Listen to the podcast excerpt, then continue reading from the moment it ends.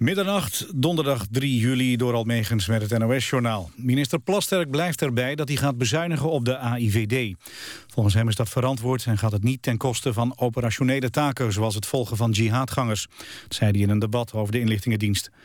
Maandag draait het kabinet de bezuiniging van 34 miljoen euro per jaar terug naar 9 miljoen. En oppositiepartijen vroegen de minister de hele bezuiniging te schrappen. Ze zijn bang dat de slagkracht van de AIVD eronder zal lijden. Maar volgens Plasterk gaat het vooral om het verbeteren van de efficiency. Bijvoorbeeld door het onderbrengen van de AIVD en de Militaire Inlichtingendienst MIVD in één pand. In het Groningse Woudbloem is een lichte aardschok gevoeld. Het KNMI bevestigt dat er een kleine beving was... met een kracht van 2,1 op de schaal van Richter. Voor zover bekend zijn er geen meldingen van schade. Al geruime tijd worden in Groningen aardschokken gevoeld. Sommige waren vrij krachtig en veroorzaakten schade aan huizen. Bevingen zijn het gevolg van de gaswinning in Groningen. De kleine groep asielzoekers die mogelijk toch onder het kinderpardon valt... wordt voorlopig niet uitgezet. Staatssecretaris Steven heeft dat besloten.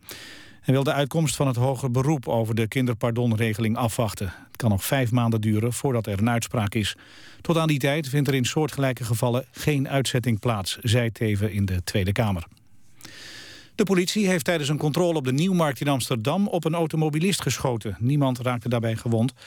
Twee agenten wilden een bestuurder aanhouden. Die gaf plotseling gas en reed in op een van de agenten... die net op tijd wegsprong. De andere agent schoot vervolgens op de wagen. Toch wist de bestuurder te ontkomen. De politie vond de auto later een kilometer verderop leeg terug. Het weer vannacht sluierbewolking en droog. Overdag eerst bewolkt, maar in de loop van de dag steeds meer zon. 21 graden wordt het op de Wadden, 25 in het binnenland. Vrijdag nog hogere temperaturen... met aan het einde van de dag in het zuidwesten mogelijk een onweersbui. Dit was het NMS Journaal. Radio 1. VPRO. Nooit meer slapen.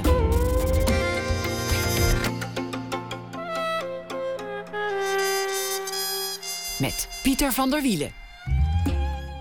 Goedenacht en welkom bij Nooit meer slapen. Na één uur draagt schrijfster Karin Amatmoukrin een verhaal voor dat ze vandaag voor ons geschreven heeft. Dat doet ze elke dag deze week. En dan hebben we ook aandacht voor de onrust in de krantenwereld. Want het lijkt een markt van steeds minder spelers te worden. Als althans de laatste overname daadwerkelijk doorgaat. Maar we beginnen met Marcel Musters. Hij is acteur. U zou hem kunnen kennen van De Mug met de Gouden Tand, waar hij een van de vaste leden van is. Daarnaast is hij te zien geweest in onnoemelijk veel series, films, theaterstukken. Ik ga ze niet allemaal noemen, want het zijn er echt, veel, ja. echt veel te veel inmiddels. Nieuwe projecten komen er ook weer aan. Uh, Familie Kruis, een, serie waar ook Linda de Mol een uh, grote rol in speelt. Zwarte Tulp, een serie die zich afspeelt in de Bollenstreek. Kan ik nog even noemen dat Marcel Johan Petrus Cornelis Musters geboren is in Tilburg op 6 juni 1959. Nou, officieel in Goorlen. Dat is een dorpje bij Tilburg. Oké. Ja, in, een, in, een huis, dat heette Moedervreugd. En daar werd alleen... Uh, moeder, of moeder zonder uh, man uh, mochten daar dingen zijn. En mijn moeder was de eerste lichting... waar ook gewoon getrouwde vrouwen hun kind konden laten geboren worden. Maar het was dus eigenlijk een, een, een huis waar ongehuwde moeders kinderen kregen. Wat stiekem in het bos in een, in een kliniek tussen kinderen werden gekregen. Wat een mooie naam, Moedervreugd. Moedervreugd, ja. Daar ben je ook echt geboren, ja, in een huis met de titel Moedervreugd. ja. En toen? Toen werd geboren en toen hebben ze me naar Tilburg gebracht, want daar woonden we. En daar is het, uh, is het leven, daar is mijn leven gegaan? Begonnen. Ja, ja. 17 jaar heb ik in Tilburg gewoond. Het is heel verleidelijk om vanaf daar de draad ja, op te pakken. Ja, je begint ook zo. Uh... Ja, van, nou, en, en, uh, en, toen ging je naar de kleuterschool. Dit en, is uw leven. Dit is uw leven. Maar, maar laten we gewoon, gewoon bij, het, uh, bij het laatste beginnen. Want, want je, deze zomer wordt een drukke zomer. Zwarte Tulp is een ja. serie die je gaat doen over de Bollenstreek. een serie voor Netflix? Dus, dus nee, het, heet niet, het, is, het is de Nederlandse, de, Netflix. Nederlandse Netflix. Videoland Unlimited heet het, geloof ik. Juist, die, die willen zich ook gaan richten op het maken van eigen series. Ja. Nederlands drama. Die je in één keer kunt zien. Dus niet elke week, maar dan kan je gewoon online gaan. En dan kan je die hele serie achter elkaar zien. Dat is de kracht van Netflix, waarop bijvoorbeeld House of Cards uh, nu zo'n enorme hit is. Dus dat wil ze in Nederland ook proberen. En ik denk ook dat dat gaat lukken. Want, want ik zelf kijk ook bijna geen tv meer. En alleen maar Netflix of heel erg uitgezocht via uitzending gemist. Zou heel mooi zijn als het lukt. Ik bedoel, wat maakt het uit waar het wordt uitgezonden... Precies. als iedereen het kan bekijken en als Ja. het gemaakt wordt. Ja, ja zo is het. En Familie Kruis, een, een serie waarin Linda de Mol de hoofdrol speelt. Zij zei daarover in een interview, en, en dat vond ik, een, vond ik een prachtige uitspraak, maar ik moest ook eventjes eh, op de bank gaan liggen om erover na te denken. Ik speel daarin een vrouw, al dus Linda de Mol, die de boot heeft gemist. Ja, een vrouw ja. zonder man en zonder kinderen, eind van haar veertiger jaren. Ja. En toen dacht ik, goh, welk, welke boot? Is er eigenlijk wel een boot? Volgens mij is er geen boot. Ik denk dat er heel veel boten leven. zijn. eh, ja, ik denk dat er heel veel boten zijn eigenlijk. In het leven. Het is alleen, ja, ik denk het wel. We varen er allemaal telkens een stukje op. En dan val je er weer af. Of je, je vaart in een race naar de dood. Of je... Ja, ja, op die manier. Maar ik, Ja. het, het beeld van dat je een boot kunt missen, dat, dat vind ik heel onverbiddelijk. Ja, vind ik ook een beetje triest. Ik, ik zou het, eh, geloof ik, niet zelf zo niet geformuleerd hebben. Eh, Ook niet voor haar rol. Want ze is dus een, een styliste die eh, weliswaar geen kinderen heeft en geen man. Maar ze heeft een prachtig huis. Ze heeft een leuke familie. of een familie waar ze iets aan heeft. Ze heeft vriendinnen. Dus, dus, maar ja, het is maar wat je inderdaad de boot gemist vindt hebben. Eh, Hoe zit, nee, dat zeg ik niet goed, maar je snapt wat ik bedoel. Ja, nou goed. En, en de boot kan ook weer zinken. En trouwens, waar gaat die boot naartoe? Is dat dan Ja. weer een andere bestemming? Maar goed, Ja. dat, dat is een, een detail over die boot. Waarschijnlijk heeft ze het helemaal niet zo gezegd. En heeft die journalist dat Dat kan ook nog. ja. opgeschreven. Dus, dus we laten Linda bij deze met, met rust. Je bent, een, je bent een enorm harde werker. Ook, ook nu deze zomer. Maar je hebt wel laatst gezegd... tegenwoordig doe ik het rustiger aan. De, de, de echte gekte, die is er vanaf. Ja. Ah, ik doe deze zomer ook veel rustiger aan dan ik andere zomers heb gedaan. Ik doe wel een serie, ik doe nog een film. En ik ga nou wel op tournee met een klein stuk. Maar ik- dat zijn allemaal losstaande dingen, zeg maar. Die hoef ik in, terwijl in het verleden deed ik heel veel dingen tegelijkertijd. Dat je s'avonds toneel speelt en overdag filmt. En dat maandenlang, dat is, dat is, ja, dat is eigenlijk geen leven. Als dit al rustiger aandoen is... dan, dan, dan moet, dat, moet dat helemaal absurd zijn geweest. Dat was ook absurd. Als ik nu over nadenk, dat was toen ik het deed niet.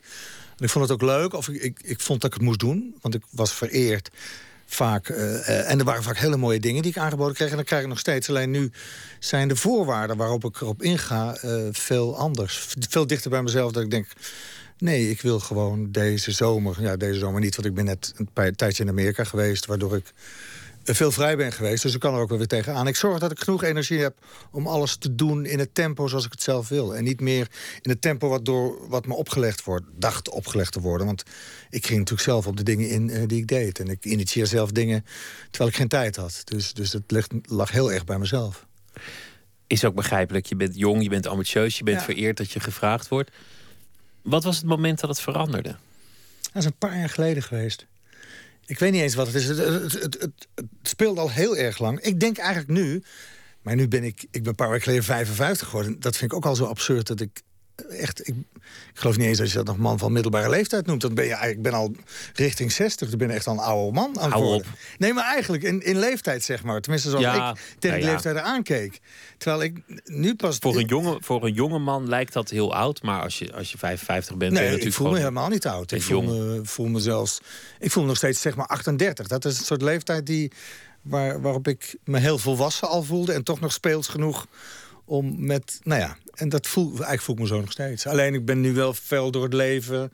De dingen die gebeuren, mensen die overlijden... eh, ziektes... eh, eh, nou ja, alle ellende van het leven. Ben ik wel wijzer geworden en heb ik geleerd om beter voor mezelf te zorgen. En waardoor ik een beter iemand voor andere mensen ook kan zijn. Meer aandacht voor andere mensen heb. En niet altijd alleen maar druk en, en on the run voor de, dat werk, zeg maar, wat je dan zo graag doet. Heb je, heb je dingen gemist? In, in die jaren dat je, dat je zo enorm aan het werk was? Ja, balans en rust. Dat is ook, dat is ook, dat is zeg maar een paar jaar geleden dat ik dacht, en nu wil ik een ander leven. Dit leven ken ik nu. En ik, ik, ik, heb daar, ik vind het hartstikke fijn hoor. Ik vind mijn vak ook heel erg leuk. Maar er zijn een aantal, of nou, ja, er is een heel stel dingen waar ik geen zin meer in heb. Toen dacht ik, ja, maar dan kan ik nou heel mijn leven blijven doen, maar dat wil ik niet. En ik, eh, mijn fysiek, ik was ook hartstikke dik aan het worden. En het lukte niet om minder te eten, omdat ik denk ik toch, nou ja, dat, vak is zo onregelmatig en er is altijd eten en er is altijd stress.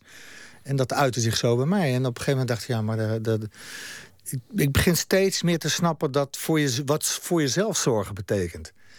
Ik wist natuurlijk, ik, ik, weet, ik, weet, ik weet al heel lang heel veel dingen, maar nu begin ik, begint dat echt tot me door te dringen, wat dat wezenlijk betekent. Of bijvoorbeeld in het hier en nu zijn. Ja, dat wist ik wel, maar ik was altijd daar of of naar, naar vooruit aan het kijken of terug aan het. Maar uh, het nu was altijd lastig, want ik was onderweg naar de toekomst. Want ik moet dat en dat nog doen en dat en dat en dat doen. Nou, dat, dat ben ik allemaal aan het veranderen. Ik probeer echt op de dag zelf lol te hebben met de dag die ik heb. En uh, ik plan heel goed, zodat ik niet meer me zorgen om te hoeven te maken over... haal ik dat dan straks wel? Ik neem nu veel meer tijd voor alles. Uh, als ik, vanavond heb ik gegeten met een vriendin. Normaal zou ik daar twee uur voor uittrekken, maximaal. Want dan moest ik weer naar iets anders. Ja, nu zijn we om zeven uur gaan eten en ik moest hier om half twaalf zijn. Dus, uh, en dat was echt ook een fijn gesprek. We, we, we, hebben lekker zitten praten en zitten eten. En, nou, dat, dat is zo'n grote verandering met een aantal jaar geleden. Ik las dat je, dat je, uh, je bent vaak in New York, een, een aantal maanden per jaar. Dat, ja. dat doe je al heel lang. En, en een van de dingen die je daar af en toe doet. En dat, vond, ik, vond ik eigenlijk geweldig leuk. Is dat Mensen je, volgen zeker. Ja. Ja, dat hoor ik elke keer terug. Heb ik één keer gezegd dat ik Heb nooit je één keer gezegd? Ik, ik, zal daarna niks meer wat je Nee, het is helemaal niet erg. Maar het is grappig hoe dat werkt met interviews. Want dat heb ik één keer in een interview gezegd. En dat doe, deed ik heel veel. Nu doe ik het af en toe. Maar het is leuk hoe dat werkt. Hoe dat dan eigenlijk dat, veel dat groter duikt... is geworden dan, dan ja, het en, ooit is geweest. En dat is ook het, het, risico van, van interviewen ja. en je voorbereiden. En, en daarom probeer ik ook dat zo min mogelijk te doen. Iemand te confronteren met een uitspraak uit het verleden. Maar deze vond ik nou, het is ook te heel leuk. leuk. Vond ik gewoon te leuk. Het ik dacht, heel nou, leuk. Hoe, hoe gaat dat? En, en, en, en vooral ook dat je, dat je eigenlijk in andermans leven stapt. Want Ja, dat is het. Ja. Nou ja, A, ben ik heel nieuwsgierig. Naar, altijd al geweest. En volgens mij is het ook goed voor als je acteur bent. Maar daarbuiten vind ik het altijd lastig om ergens te zijn... eh, wat je dan precies moet gaan doen. Je kan namelijk zoveel doen. En in New York ken ik eigenlijk alles al, want ik kom er al sinds 79. Dus zeg maar de, alle bezienswaardigheden ken ik goed. Dus, eh, en ik vind het leuk om door een stad te dwalen. Maar dan moet je toch weer zelf beslissen. Dus op een gegeven moment merkte ik, toen ik... Dan zag ik iemand leuks, of een dik iemand die, die raar liep... of een, een, een, een negerin die me, die me boeide. Die, en die volgde ik dan, die stalkte in, als het ware... Eh, zonder dat zij het door hadden en niet irritant. Niet hinderlijk. Niet Nee. hinderlijk, maar dan ging je met die persoon de metro in... en dan kwam die bij een kantoorgebouw en dan ging ik dat kantoorgebouw in... als ik er binnen kon. Als het niet zo was, eh, ging ik gewoon weer weg... en dan volgde ik iemand anders. En zo heb ik vaak, niet alleen in New York... maar door, door eh, steden gedwaald. En dan kon ik lekker zo... was ik niet met die mensen alleen maar bezig... maar gewoon een beetje aan denken over de dingen waar je over denkt, weet je wel. Die de hele dag toch door je hoofd gaan, al die dingen over het leven... en, de, en praktische dingen en zo. En... en maar zo heb, is het een hele fijne manier om te dwalen door een stad... en, en te laten, je te laten verrassen door mensen... maar ook door waar je ineens uitkomt. Want dan kom je in een buurtje uit. In New York ben ik ooit eens helemaal ver in Queens uitgekomen... waar ik nooit gekomen zou zijn als ik niet iemand gevolgd zou hebben. En dat was een leuk teentje. Ik dacht, oh, hier ga ik eten. Dat was weer de meeste En je denkt toch na, van als ik diegene volg, waar zou ik dan uitkomen? Ja, nou, daar denk ik niet eens meer na. Want dan denk ik, nou, ik zie wel waar ik uitkom. Dat is het leuke. Ik laat het gewoon gebeuren, want ik heb er geen invloed op. Zij bepalen waar ik naartoe ga. Tot ik er geen zin meer in heb en dan draai ik om. Dus het is heel speels. Het is niet rigide, eh, zoals sommige mensen dat soms aan mij vragen. God, en hoe lang doe je dat dan? Ja, gewoon tot ik er zin in heb. Hoeveel, hoeveel maanden per jaar ben je gemiddeld in New Gemiddeld York? vier maanden. Vier Daar wil maanden. ik excess van maken, ja. Dus, dus je hebt eigenlijk twee levens. Ja, ik heb een dubbel leven. Dat is heel fijn. Dat is, dat is interessant, omdat dat je aan het begin zei... er zijn heel veel boten waar je op kan stappen. Ja, Ik zei, er is geen boot. Maar, maar jij zei, er zijn heel veel heel boten. veel boten. Nou, de- ik sta op twee, zeker. En eigenlijk denk je heel vaak, nou, dan lijkt het op van wat zou er gebeurd zijn als ik op die boot was gestapt, Ja. of had ik ook op die boot kunnen Ja, stappen? nou, ik denk dat iedereen dat doet. Alleen ik, Ja. ik vind het heel erg leuk dat ik naast mijn leven hier ook nog een ander soort leven heb. Met een andere vriendenkring, met eh, nou, een, he- ja, echt een ander leven. Ik was, vroeger wilde ik altijd in New York wonen, maar omdat ik vrij nou, toch wel verlegen was en een bangig jongen. Dat is heel grappig, want ik dacht altijd dat ik een stoere jongen was. Dat heb ik altijd mijn hele leven gedacht. En de laatste jaren denk ik, nee, ik was niet stoer. Ik was eigenlijk heel bang van binnen. Maar omdat ik niet... Ik wilde niet bang zijn. En ik was verlegen en dat wilde ik niet zijn. Dus heb ik me altijd een beetje overschreeuwd. Of over mezelf over de dingen heen gezet. Dus, dus, dus, dus nou ja, dat is wat ik eigenlijk altijd heb gedaan. Daarom heb ik volgens mij ook zo hard gewerkt. En heb ik, heb ik, ben ik heel sociaal, omdat ik eigenlijk bang ben om het fout te doen of zo. En dat is nu heel erg, dat is me duidelijk aan het worden. Althans, ik denk dat dat het is. En eh, nu denk ik, oh, maar ik hoef helemaal geen bang jongetje meer te zijn. Ja, ik kan bang voor de dood zijn, maar die, die komt toch. Heb ik Ja, al eh, ja. vaak genoeg meegemaakt. Maar ik en kan bang zijn dat ik geen werk heb. Maar ach, ik ben goed genoeg. Ze blijven me wel vragen, anders ga ik zelf iets opzetten. Dus ik moet eigenlijk van dat bange jongetje loslaten. Dat, dat oude, oude ding is... eh, Wat toch mijn drijfveer uh, heel lang is geweest. En dat vind ik helemaal niet leuk dat dat zo is. Want ik dacht dat het veel vrijer en dat het allemaal veel uh, ja, minder gefrustreerd was eigenlijk. Het zijn wel twee uitersten. Een, een verlegen iemand en, en, een, en een stoer iemand. Of iemand die zichzelf overschreeuwt. Of een druk iemand. Of een stil iemand. Het is een dus reactie. De ene is de reactie op de andere, denk ik. Dat, dat zie ik vaak terug ook bij de, bij de personages die jij speelt. Dat zijn vaak mensen die met één been in twee gedaanten staan. Ja. ja, ik vind het ook echt het leukste om... en daar herken ik mezelf ook... en om een held te spelen die, die een, een, een rotkant heeft... of een, eh, een, een klootzak met een, met een sympathieke kant of zo. Dat je toch denkt, ach ja, het is ook, het is ook een stunt. Hij zoekt ook, net als we allemaal. Dat is volgens mij ook echt, dat is wat ik ook in mensen zie. En meestal zie ik in mensen, als ik mensen voor het eerst zie... dat is natuurlijk hartstikke projectie... dan zie ik het, het gevecht. En het, het, uh, ja, de moeite die ze ook hebben met de dingen. En, en hoe ze dat oplossen om toch uh, goed het leven door te kunnen. Want we worstelen allemaal wel. Iedereen, dat is wat iedereen, ik altijd zie, ja. Iedereen kloot wel een beetje aan. Ja, ja ik denk, denk dat iedereen heel veel aanklooit eigenlijk. En we kunnen het heel goed maskeren. En we, daar, zijn, daar zijn we steeds beter in geworden. Maar ik denk, als je diep in de ziel van de meeste mensen kijkt... zijn er maar weinig mensen die, die niet worstelen. Dat was denk ik de reden waarom ik die uitspraak van, van Linda de Mol... die ze hoogstwaarschijnlijk niet gedaan heeft... maar die door de journalist zo is opgeschreven... fascinerend vond. Omdat het zo'n hard oordeel is. De boot gemist. Ja, ja. Nou ja, misschien dat Linda daarom zo hard werkt omdat zij per se de boot niet wilde missen. Ze heeft op alle vlakken gezorgd dat ze de boot niet gemist heeft. En ik denk dat, dat heb ik ook tegen haar gezegd... Dat, dat het wel eens interessant zou zijn als zij een tijd niks zou doen. Dus niet zou werken en elk... Want elk ding wat zij doet, heeft een soort van succes. In, in, in, uh, weinig succes, succes kent zij bijna niet. En dat is ook een fascinerend iets... dat iemand zoveel succes wil hebben met alles.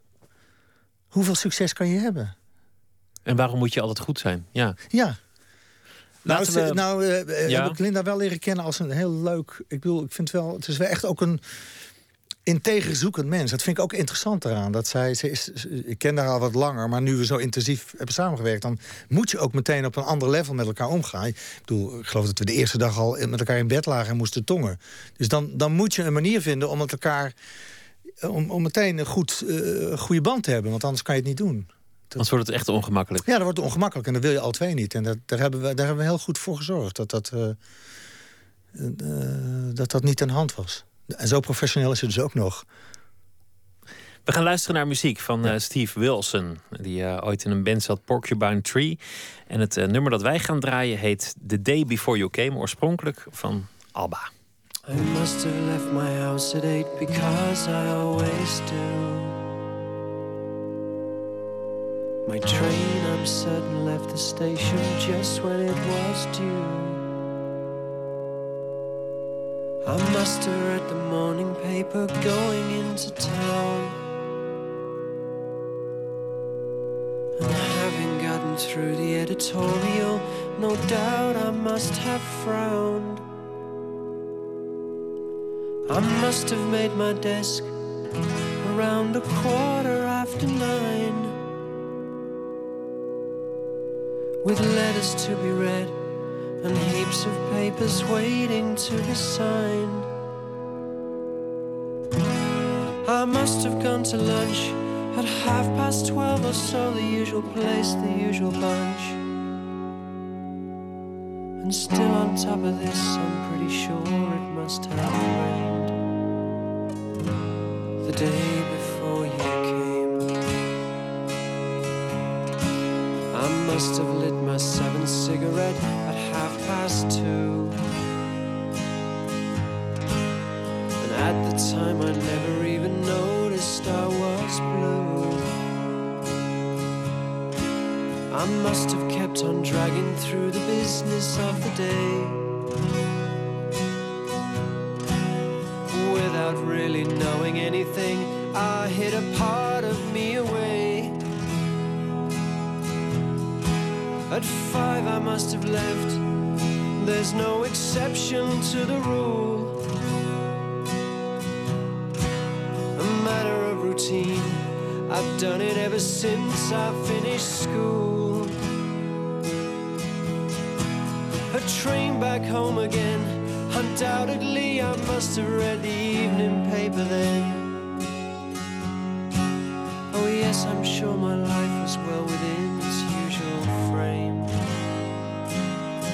The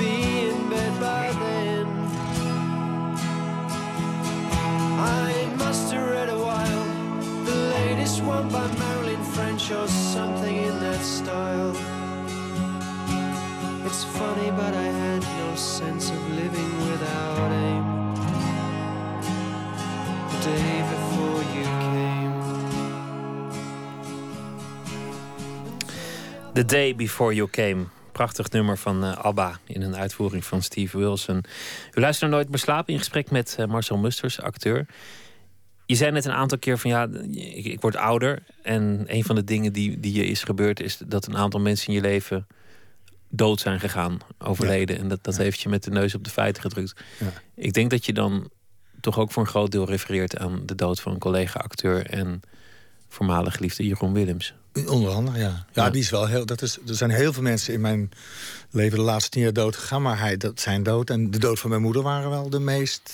eh, alles op, z'n- op, op zijn kop zettende eh, gebeurtenissen, ja.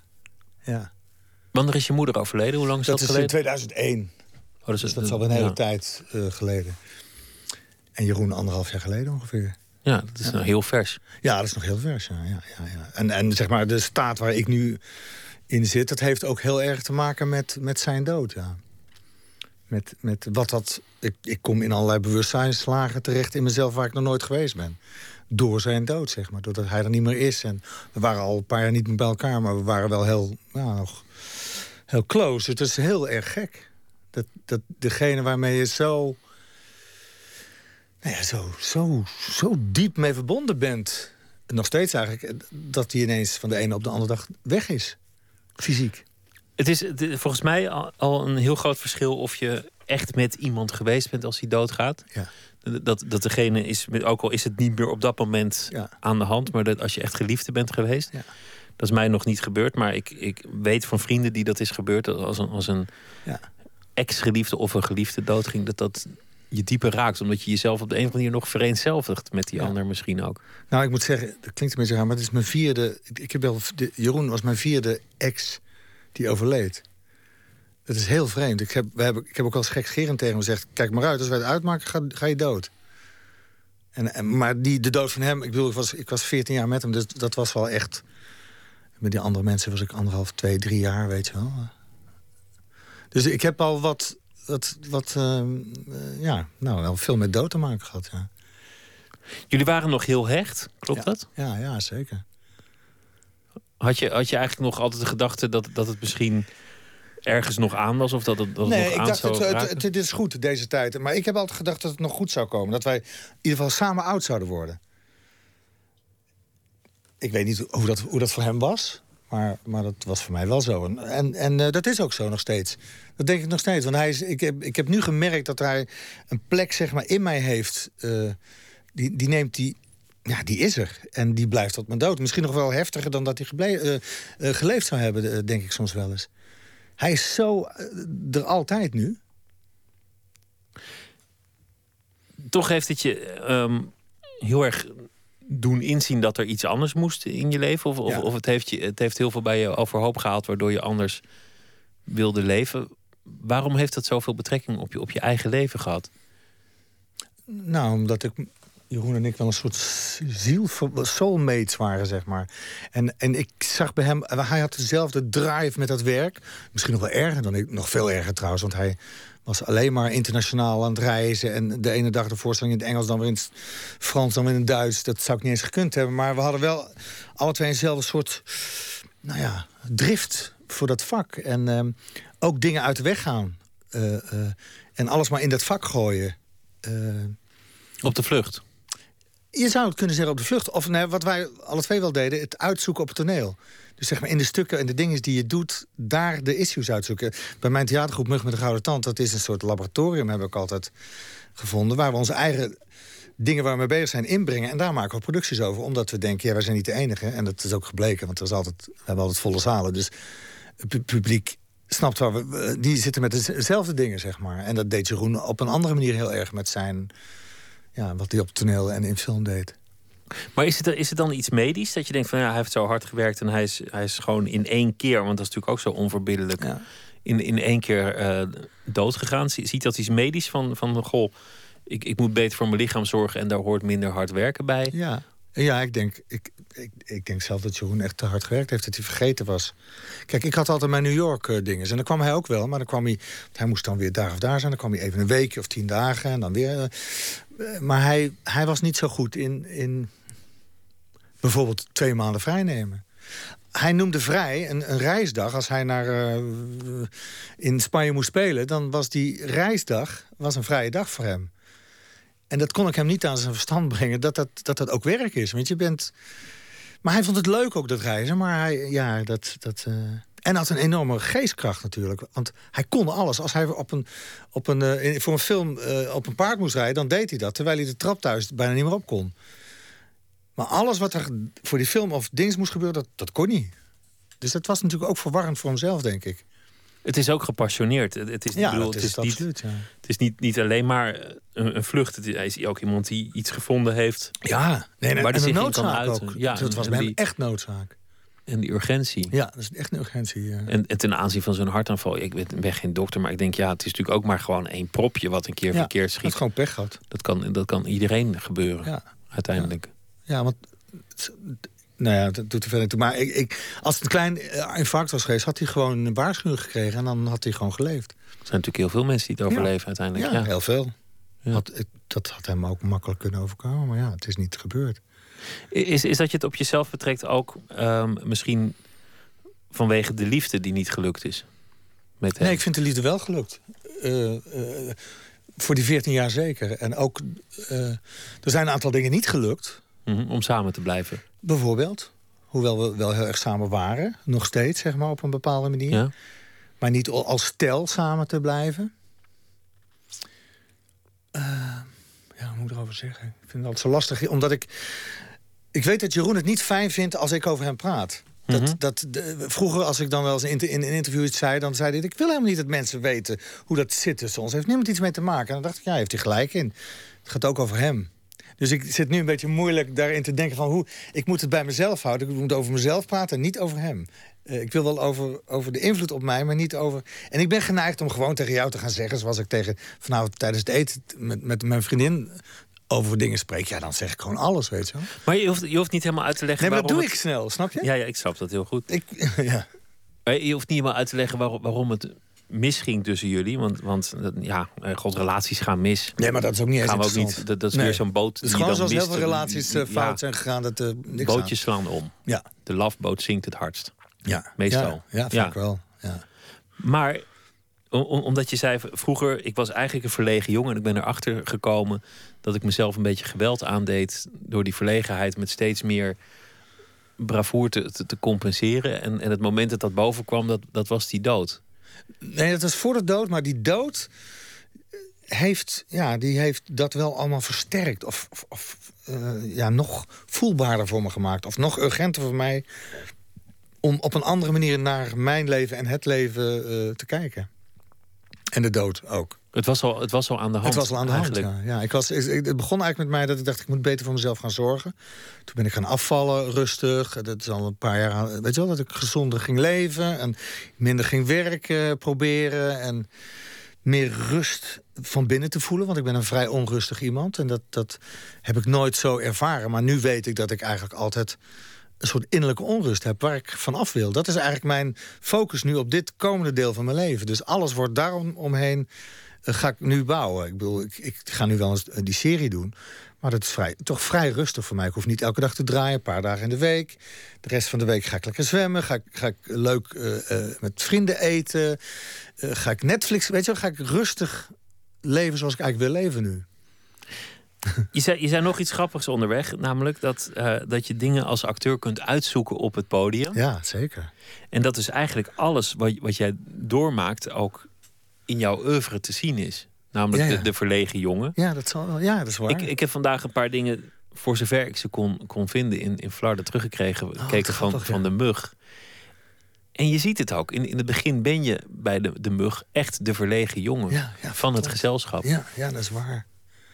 En, en later eh, krijgt, dat, krijgt dat heel veel andere vormen. Ja.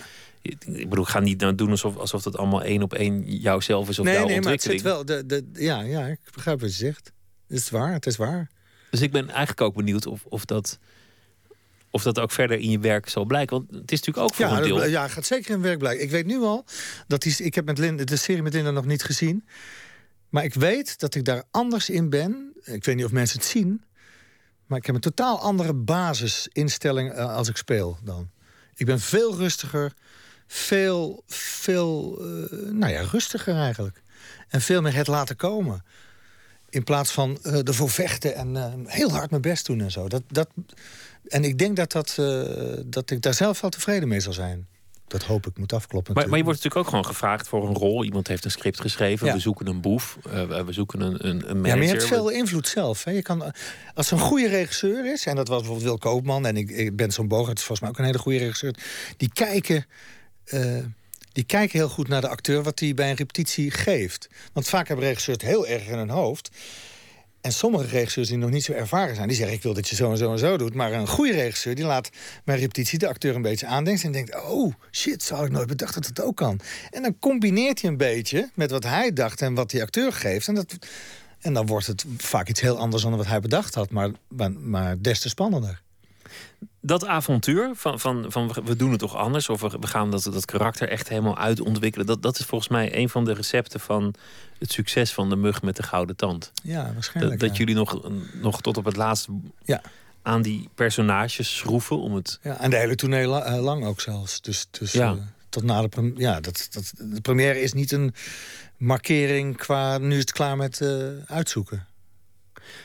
Het leuke is dat het in het begin echt gold als experimenteel theater. Ja, ja. Ja, heel lang zelfs. En, en misschien, misschien in, in bepaald opzicht nog steeds wel. Ja, maar het is wel veranderd. Ja, het is wel, het is, ja, wij zijn natuurlijk gewoon allemaal beter geworden... en weten beter wat we willen en wat we goed vinden. Kijk, als je begint, dan moet je het echt uitzoeken. Ben je ook aan het experimenteren? En wil je ook niet de ge- gebaande wegen eh, gaan? Eh, wil, je, wil je echt iets nieuws? Maar wat is iets nieuws? Dat moet je uitzoeken op de vloer. Dus dan moet je het diepe ingaan. En dat, heb, dat hebben we wel gedaan. En dat doen we nog steeds. Alleen, ja, we zijn nu ervaren. We proberen nu ervaren en experiment... onze ervarenheid en experiment samen te, te, te, te gebruiken, zeg maar. Toch zie ik helemaal niet zoveel verschil. En dat, en dat, dat vind ik wonderlijk tussen ehm, de, de, de, de series die echt voor een groot publiek zijn. Hè? Gooise vrouwen of zo. Dat is 1,3 miljoen kijkers. Ja. Eh, Dat is een heel normaal getal voor die serie. Daar, daar is dan niks experimenteels meer aan. Dat is, dat is echt een, een Ja, publiekshit. En toch zie ik een overeenkomst in. Met Hertenkamp, of niet? Ja, Oh, ja. ja. Nou, het is grappig, want eh, dat je over Gooise Vrouwen begint. Ik heb toevallig vanavond tegen de vriendin gezegd. Eigenlijk vind ik Gooise Vrouwen, waar overigens Johan Nederlof en Frank Houtappels... die bij de mug zaten, eh, eh, die hebben Hertenkamp geschreven... maar ook de laatste seizoenen van eh Gooise Vrouwen. Ehm, ik vind dat Hertenkamp een soort voorbode is geweest... voor een nieuw soort Nederlands drama. Wat eigenlijk Gooise Vrouwen is dat geworden voor een groot publiek. De, de personages zijn wat uitvergroot. Het is tragicomisch. Het zijn... Zeker de laatste seizoenen werd het steeds grimmiger. Wat leuk is. eh, wat ik, waar ik erg van hou. Veel realistischer en toch groter eh, eh, dan live. En ja, dat, dat was Hertenkamp, was het eigenlijk al. Het was, het was bij Vlagen psychisch martelen. Gewoon echt Ja. tot, tot, tot de rand gaan. En, en, en de scène echt pijnlijk, echt Ja, ja echt, broeierig echt pijnlijk maken. laten zijn, ja. En, En daarmee heel grappig, maar dat je ook bijna denkt: is het, is het nog wel grappig? Ja, ja, maar ja, dat is natuurlijk vaak met eh, erge dingen. Die zijn zo om te lachen dat je ervan moet huilen en vice versa. Had je ooit kunnen denken dat, dat je een, een serie voor 1,4 miljoen kijkers zou gaan maken? Als je, als je zo in die experimentele. Daar heb ik er nooit bij nagedacht. Nee, ik dacht wel dat dat ooit zou gebeuren. Ik heb wel altijd gedacht, gek genoeg... heb ik wel altijd gedacht dat ik zo'n carrière zou hebben zoals ik nu heb. Gehad en heb. Dat, dat is gek, hè? Ja. Ja, Ja, of niet, dat weet ik wel- eigenlijk dacht niet. altijd wel, dan, en dan kom ik een keer zo... Dan, dan wordt het net wat groter allemaal. Dan wordt het voor mij wat makkelijker, want dan hoef ik minder hard te werken. Dan krijg ik verdien ik wat meer geld. Kan ik beter ma- makkelijker kiezen. Ben ik zekerder van mezelf. Weet ik wat ik kan. En, en in die fase zit ik nu. Ja, dat is heel grappig. Ja, want eh, wat er grappig aan is, is dat, dat er vaak een soort tegenstelling wordt gesuggereerd tussen, tussen het experimentele en, en, het, en het commerciële of, en het grote. Ja, nee. Vind ik toch niet zo. Kijk, bijvoorbeeld, ik heb Penosa gedaan en, en ja, dat is eigenlijk minstens zo experimenteel. Dat is zo te gek om daaraan te werken. Want dan, die regisseur, die verandert... Als je 's ochtends op de set komt, Diederik... eh, heb ik even zijn achternaam kwijt. Heb, dat is mijn leeftijd nu dus ook, hè? Dat, dat merk ik nu. Bedoel je Diederik Ebbingen? Ja, nee, Ja? Diederik heb ik niet. Diederik van Rooyen. Ja, oké. ja, nee, die Diederik ja, Ebbingen, die, die, dit is een van de Vliegende Panthers... die, Precies. Ja. ja, die, die een hele mooie film Matterhorn heeft gemaakt. ja. Wat wou ik nou zeggen? Nou, dat dat Oh ja, Penosa, die regisseur, die, die, dan kom ik dus ochtends op de set... en dan, dan eh, heeft hij gewoon bedacht, s'nachts... nee, ik wil, gaan, die scènes gaan we niet zo doen. Dan zegt hij tegen van, nou, die zes scènes die we zouden doen... die, die gaan we niet doen. Ik wil dat je in die scène, eerste scène... dit, dit, dit doet, en dan moet je maar dit eens proberen. Nou, dan gaan we dus op de set dat doen. Terwijl er zo'n hele crew... eh, die doet dan ook mee. Dus dat is één groot experiment. En ik weet zeker dat daarom Penosa zo'n zo enorm succes is. Doordat die regisseur risico durft te nemen eh, op de set zelf. Ik wil luisteren naar een, een, een fragment van een liedje dat je ooit hebt eh, eh, opgenomen. Je weet zelf waarschijnlijk beter wat het. eh, Zin in jou of dik dik? Zin in jou, denk ik. Ja, Ja. dat, dat heet je ooit. Ja. daar gaan we.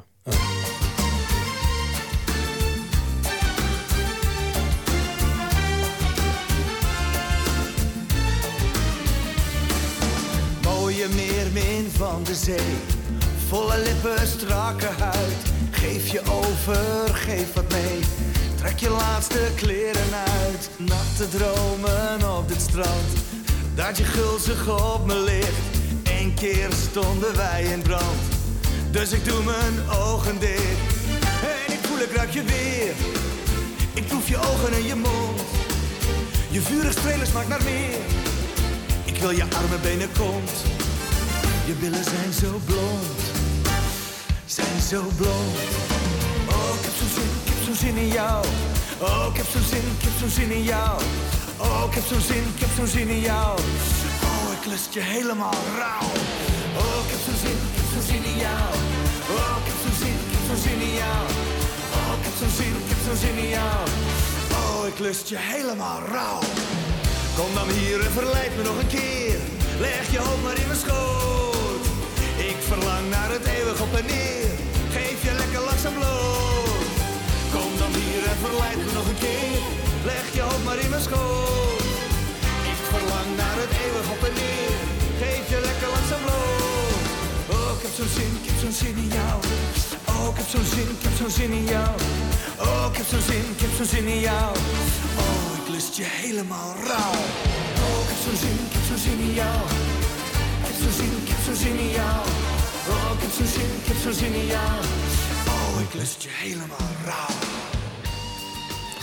Ja, dit is. eh dat was leuk. Ja. Ja, wat- eh, ja, dat was gewoon. eh, wat- ja, en het was een rol, hè? Ik- Het was een rol, Het was ja. uit een voorstelling. Uh, Co-star heette dat. En dat was op zich eigenlijk wel heel leuk, want de, de, hadden we bedacht om personages te maken, daarmee de wereld in te gaan en dan een stuk te maken. Want meestal is het andersom, dan wordt er een stuk geschreven en dan doe je het. Maar ik had dus een zanger gecreëerd. Dacht, nou, als ik een zanger ben, die, die heeft liedjes, dus toen ben ik een liedje maken, heb ik een clipje bij gemaakt. En toen was dat een, ineens een hitje. Toen moest ik ineens ook optreden en dacht, oh, dat is goed. Want dat kan ik allemaal gebruiken voor het stuk later. Want er was ook een beeldend kunstenaresse. Er was een ander personage. Hadden we schilderijen in India laten maken. In Bollywood. En daar hadden we een, nou ja, heel gedoe. Uh, maar dat was dus heel erg leuk. Maar het vervelende was dat ik ineens als zanger... Uh, in de Nationale Haringhapdag in, uh, in Spakenburg uh, op zo'n kar stond te zingen. Wat ik doodeng vond. In Carré heb ik gezongen met dit nummer. En ik ben geen zanger, weet je wel. Dus ik ben nog nooit zo zenuwachtig geweest dan toen. Als toen, dan toen. Nou anyway. Maar nou ja, we begrijpen wat je bedoelde. Ja. Het is al een taalfundamentalisten. Ja, ja, ik weet het je hebt ze, ze hebben ook een nut. Ja. En ze hebben ook altijd gelijk. Precies. Dat is toch het ergste. Ja. We, hebben nog, helemaal aan het begin was ik, was ik verleid in dit gesprek om meteen de lijn op te pakken bij het huis waar je geboren werd, namelijk um, Moedervreugd. Moedervreugd. Toen dacht ik, ja, dit is eigenlijk te mooi om gewoon, laten we gewoon verder gaan. Van, uh, ja, ja, ja. Toen kwam je van moedervreugd. Maar, maar ik, waar ik wel benieuwd naar ben, waar, is het eigenlijk begonnen? Want je zegt, verlegen. En toen, toen leerde ik op een gegeven moment om dat uit te vechten op het toneel. En, en om mezelf andere rollen aan te nemen om maar van die, van die angst en die verlegenheid af te komen. Is, is er een, is staan een moment te binden? Wat is begonnen waar? Je bedoelt... Uh... Het, het afschudden van je verlegenheid en, en het uh, gedrag... Dat is eigenlijk al heel vroeg begonnen. Ja? Ja, ik, ik merkte wel dat ik dat gewoon niet wilde zijn. Dus ik... ik ja, ik overschreeuwde dat. Ik, ik werd grappig, uh, bij de hand soms. als kind al? Ja, als kind. Nou, als kleinkind niet. Maar van de middelbare school zeker. Maar ik weet dat mijn moeder ooit zei... ik begreep niet wat er met jou aan de hand was. Want toen ik na de zesde klas naar de middelbare school ging... ik was een heel net jongetje, altijd heel keurig en... Beetje bang en ineens liet ik mijn haar groeien, weet je, aan de brug eh, op de uh, middelbare school. En werd ik een andere jongen. En dat, dat, dat was waarschijnlijk toen dus dat ik dacht: ik moet mee met, met die mensen. En ik wil ook een soort bijna leidende figuur zijn. Want ik wil niet dat ze op mij gaan. Uh, weet je wel, zondebokken. Dat, dat ik het zondebokje van, van, de, van de klas word of zo. En dat, ja, dat denk ik nu allemaal. Dat heb ik toen nooit zo bedacht. Maar ik denk dat het wel een beetje zo is. En dan, dan, dan doe je iets wat waarschijnlijk werkt. Ja. Voor jezelf. Wat, Ja, hè? En, dan, en dan blijf je dat maar doen. En blijf het doen en dan werk je uit. En toen was ik na de middelbare school durfde ik niet naar de toneelschool. Want ik had, had een fantasie om acteur te worden. Ik had het nooit gedaan, want dat durfde ik natuurlijk niet. En toen, door omstandigheden, ben ik in een psychiatrische inrichting gaan werken. Omdat, eh, eh, omdat ik daar kon werken en studeren. En ik vond het heel interessant. En eh, daar heb ik ook veel geleerd over mensen. En heb ik veel kunnen gebruiken voor mijn vak. In die zin was het ook weer een opstapje naar acteren, gek genoeg. Want je bent altijd enorm geïnteresseerd in, in, in andere mensen. Dat, dat is iets wat ik, wat ik dan nu al Nou ja, merk als jij binnenkomt. Dat je, dat je meteen aan iedereen vraagt: wat doe jij? Wat, Nou, je spiegelt ja. jezelf aan anderen. Tenminste, ik spiegel mezelf heel erg aan anderen. En ik, omdat ik soms denk van, ja, wat is nou gek en wat is niet gek? En eh, nou, zeker in zo'n gekkenhuis, bijvoorbeeld. Ja. Dan, dan, ik kwam er al heel snel achter dat, dat, ze, dat ik ze helemaal niet zo gek vond, bijvoorbeeld. En dat wat mensen vonden en zeiden, dacht ik, ja, je hebt eigenlijk wel gelijk. Eh, en ja, het is een beetje een cliché. Als je dan zo twintig bent, denk je, ja, de maatschappij, die is gek. Weet je wel? Die, Was, als- toen ook iets meer de tijd dan nu. ja, nu, nu, ja, nu, en nu had je zijn mensen eh, gewoon weer gek. van kijk in de spiegel naar jezelf en zo. En, maar ik dacht, het is wel waar. Want wij, ik, wat wij vooral probeerden te doen... is om je aan te passen aan hoe het, eh, ja, wat de regels zijn. En dan ben je normaal. En dat, dat is nog steeds wat ik heel gek vind. Dat dat, dat ons hoogst, bijna hoogste doel is. Dat je, als je je maar aan kunt passen en, en binnen het stramien kunt eh, blijven. Terwijl ik hou heel erg van mensen die eruit durven. Want ik durf het niet zo snel. Ik, nu durf ik het steeds beter. Maar ik vind dat fantastisch als mensen durven. En een gek die durft veel. En wat was de stap van het gekkenhuis naar het theater eigenlijk? Nou, heel simpel. Ik, een collega van me die kwam ik tegen, die was de selectiecursus aan het doen. En die zei eh, zo van, ja, je, kan tot je 23 kan je maar aangenomen worden. En toen kreeg ik ineens heel erg... Ik weet nog echt dat ik helemaal in uitbarst. Ik- Want ik was al 22. Ik dacht, nu of nooit. En toen ben ik, heb, ben ik maar gaan opgeven. En toen... toen als geluk bij een ongeluk eh, overleed mijn Nou, hoe zeg je dat? In ieder geval, mijn vader overleed een week voor mijn echte toelatingsexamen. En toen was ik waarschijnlijk zo labiel dat ik die, dat toelatingsexamen goed heb gedaan. En daardoor ben ik volgens mij aangenomen.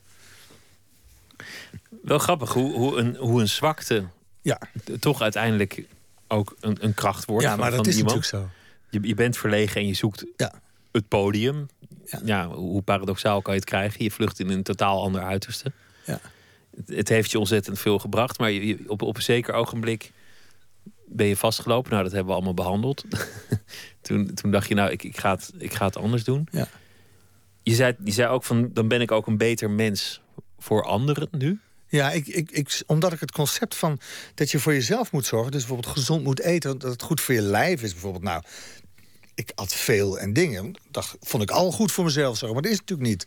Je moet de goede dingen in je mond stoppen. En je moet je moet je lichaam echt als een voertuig zien... en niet als een ding wat er ook nog bij zit, bijvoorbeeld. Want, en daardoor word je en dan geest... Niet, en dan niet een huurauto bij voorkeur. Hoe bedoel je een huur? Nou, dat je je oh. lichaam als een huurauto nee, ziet. Precies. Nee, Dat heb ik altijd gedaan. Zo'n lease ding. Wat ja, ook in, van, want ik lever hem straks weer in. Ja, dat zien we dan wel, weet je wel. Nee, dat is natuurlijk niet. En als je goed voor jezelf zorgt... dan, dan word je gewoon beter. Uh, letterlijk fysiek, maar ook in je geest word je beter. En, en ik heb veel meer aandacht dan echte aandacht voor andere mensen.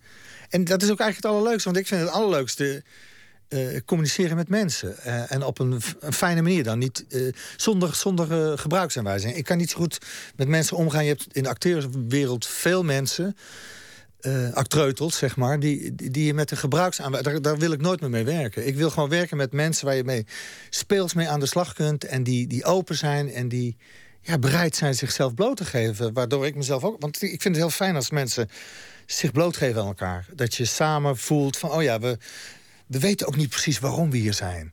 En of we er ooit achter komen, weten we niet. Maar we weten wel dat we bepaalde dingen kunnen doen... waardoor het allemaal draaglijk wordt en, en leuk misschien nog wel uh, uh, regelmatig.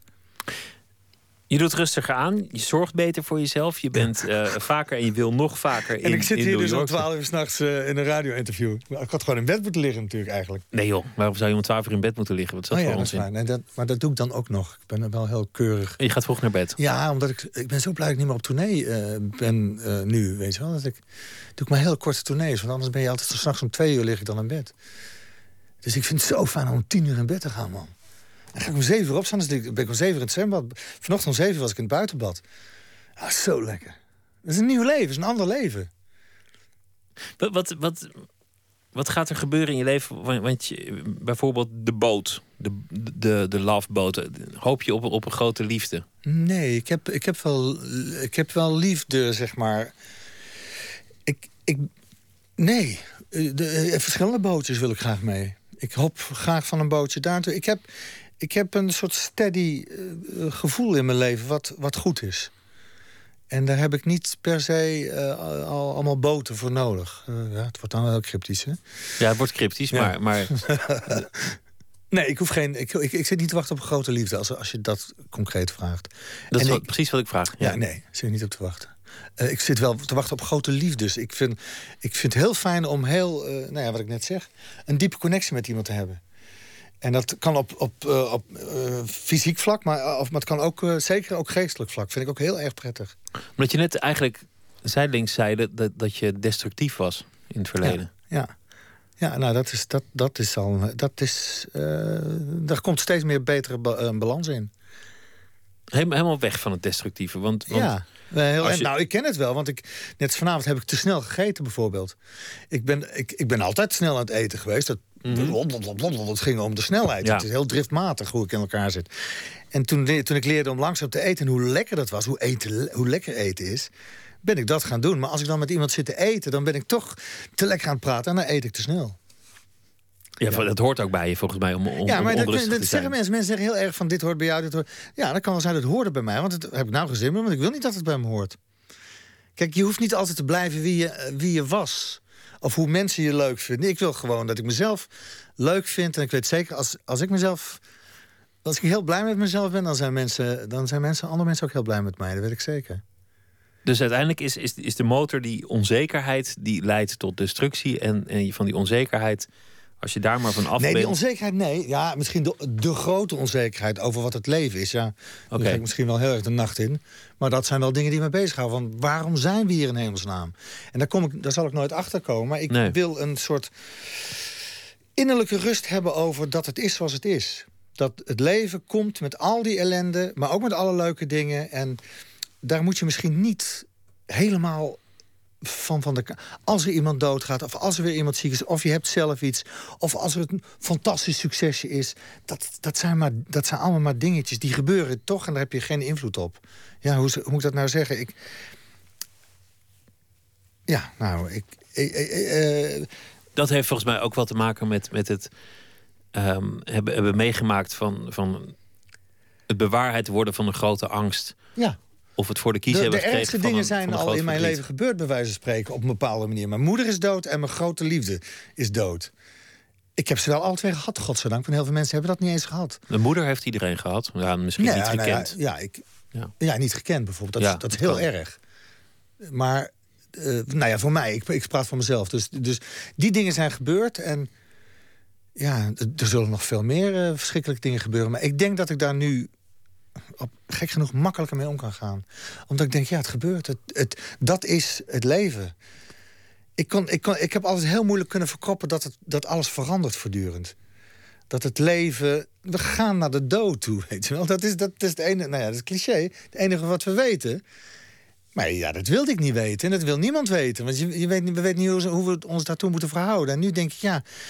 Als we daar nou wat simpeler, makkelijker over doen. Als het me lukt, als het mij lukt om dat te doen, dan, ben ik een, dan heb ik een fijner leven. En dan ben ik een fijner mens voor andere mensen. En dan kan ik misschien ook nog steunen in dingen waar ik het zelf moeilijk mee had. Weet je wel, zoals ik nu geholpen word door mensen die een paar stappen, voor mijn gevoel, een paar stappen verder zijn, waar ik van kan leren. Dat, dat, dat vind ik heel fijn. Dat, ik, dat er mensen zijn die dus al dingen mee hebben gemaakt. En dan zeggen ze iets tegen mij. Ik denk, oh ja, natuurlijk, zo kan ik ook naar kijken. volgens mij is, ik, ik zit net te denken dat het misschien ook een beetje een, een soort bijproduct van de evolutie is. Dat je, de, de, de, de Homo sapiens die heeft heel veel hersenen, omdat het handig is met, met, met jagen en vis vangen en, en dat soort dingen. Ja, Maar een bijproduct van te veel hersenen is dat je ineens bewust wordt van de, van de zinloosheid van het Ja. algehele project. ja, En dat wordt, wordt bijna weer een risico voor de soort. ja, maar zeker. Want, want straks vernietigt Homo sapiens zichzelf met, met een bom. Voor wille van een of ander niet bestaande god. omdat ze Ja. anders gewoon geen zin in hun leven kunnen zien. Precies. Nou, volgens mij is dat, is dat eh, waar we in zitten. Ja, ge- Die geestig, ontwikkelen. eh, geestig hè, dat, dat in Ja, de nou, evolutie ook. Dat is, ja, dat is even, zo, geestig, ja. even zo het alles verklaren. Ja.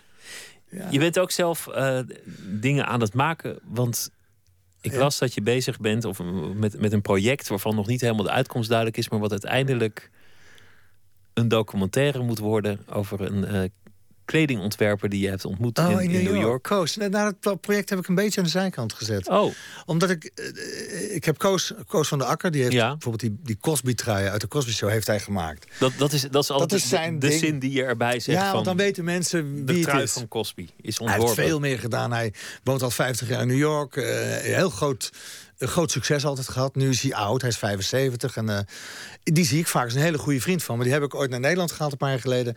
En heb ik hem geïnterviewd als... Ik, ik speelde een vrouw uit een voorstelling die ik samen ooit met Mark Marie had gedaan. Twee Tilburgse vrouwen speelden we. En dan interviewde ik hem over zijn leven. En dat was heel erg leuk. En eh, ik dacht dat het leuk zou zijn om een documentaire over hem te maken. Maar dat, ja, weet je, dan ben ik in New York en daar wil ik juist niet werken. Dus ik, ik moet echt me tegenhouden. Ik denk, nee, dat moet ik niet doen. Ik moet dat niet gaan doen, want dan ben ik daar ook aan doen wat ik in Nederland doe. Dus dat, dat hebben we nu even. Dan, in dan is het toch weer werk. Ja. En, en wat was het dat jou zo fascineerde? Want, want je hebt volgens mij nooit een documentaire gemaakt Nee. eerder. Nee. Waarom was het bij deze man, los van de trui van Bill Cosby, wat natuurlijk een fascinerend gegeven is, dat je dacht, nou, ik, ik moet die man volgen? Nou, omdat hij echt een vriend van me is geworden. En ik, hij fascineert me omdat het een, het is een, het is een bronpot. Hij heeft een hekel eigenlijk aan mensen. Ja, niet een hekel aan mensen, maar mensen zijn bang van hem. Hij, hij, hij heeft de meest botte uitspraken. Hij is niet aardig, maar het is een. Hij is heel aardig, maar ik bedoel, als je hem zo tegenkomt, dan de meeste mensen zijn bang van hem. Hij heeft iets eh, ge- gecreëerd waardoor hij gewoon zijn werk kan doen en dat verder mensen hem met rust laten. Dat is volgens mij de basis voor, voor, voor waarom hij zo bozig is naar de wereld. Want, Past ook wel bij de stad New York, vind ik. ja, want het is echt een jungle daar. En, en ik, dat zie ik ook nog steeds. Dat, dat, zeker door bij hem in zijn wereld te komen. Hij werkt nog steeds 's ochtends, van 's ochtends zes tot 's avonds zes. Elke dag achter zijn naaimachine. Hij maakt nog steeds echt zijn, zijn eh, eh, creaties... die verkocht worden op, in een winkel op Madison Avenue. En hij, hij is echt een overlever. En dat vind ik heel interessant, want hij heeft... Bijvoorbeeld zijn grote liefde, die stierf in de, eh, eh, aan aids... als een van de eerste aidsslachtoffers al zijn vrienden zijn overleden in die tijd. En hij is stug doorgegaan met werken. En hij heeft dat werk voor hem. Hij maakt allemaal kleren, maar hij zegt: Ik schilder met doeken. Want hij eh, maakt toch geen patroon. Hij begint gewoon elke ochtend, komt hij op het atelier, pakt wat en begint daarmee. En dat doet hij al 50 jaar. Nou, dat vind ik zo ongelooflijk groots dat iemand dat doet. Nu zie ik ook de andere kant hoe heftig dat is. Want je, je leven is echt achter die naaimachine. De rest komt daarbij. Uh, dat, en als je oud bent nu, zoals hij, en merkt dat dingen achteruit gaan, het steeds moeilijker wordt. Eh, ja, als hij op een gegeven moment niet meer zijn, zijn creaties kan maken, dan is het, ja, dat is toch wel heel, dat heel erg.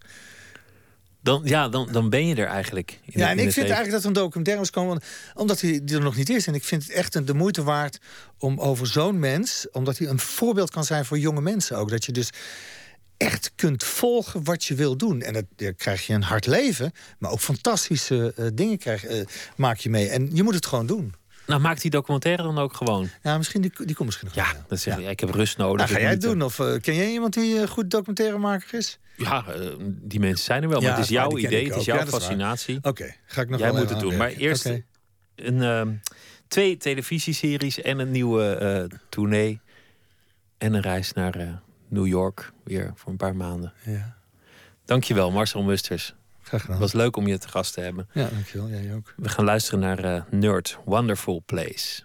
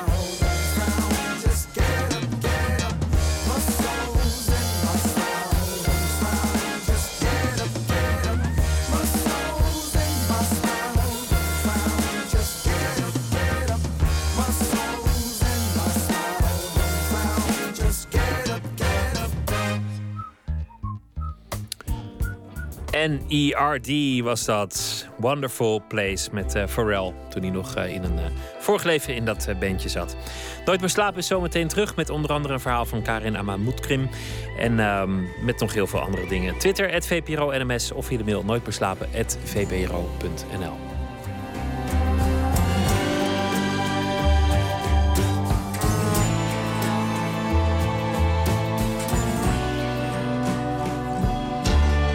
Radio 1, het nieuws van alle kanten. 1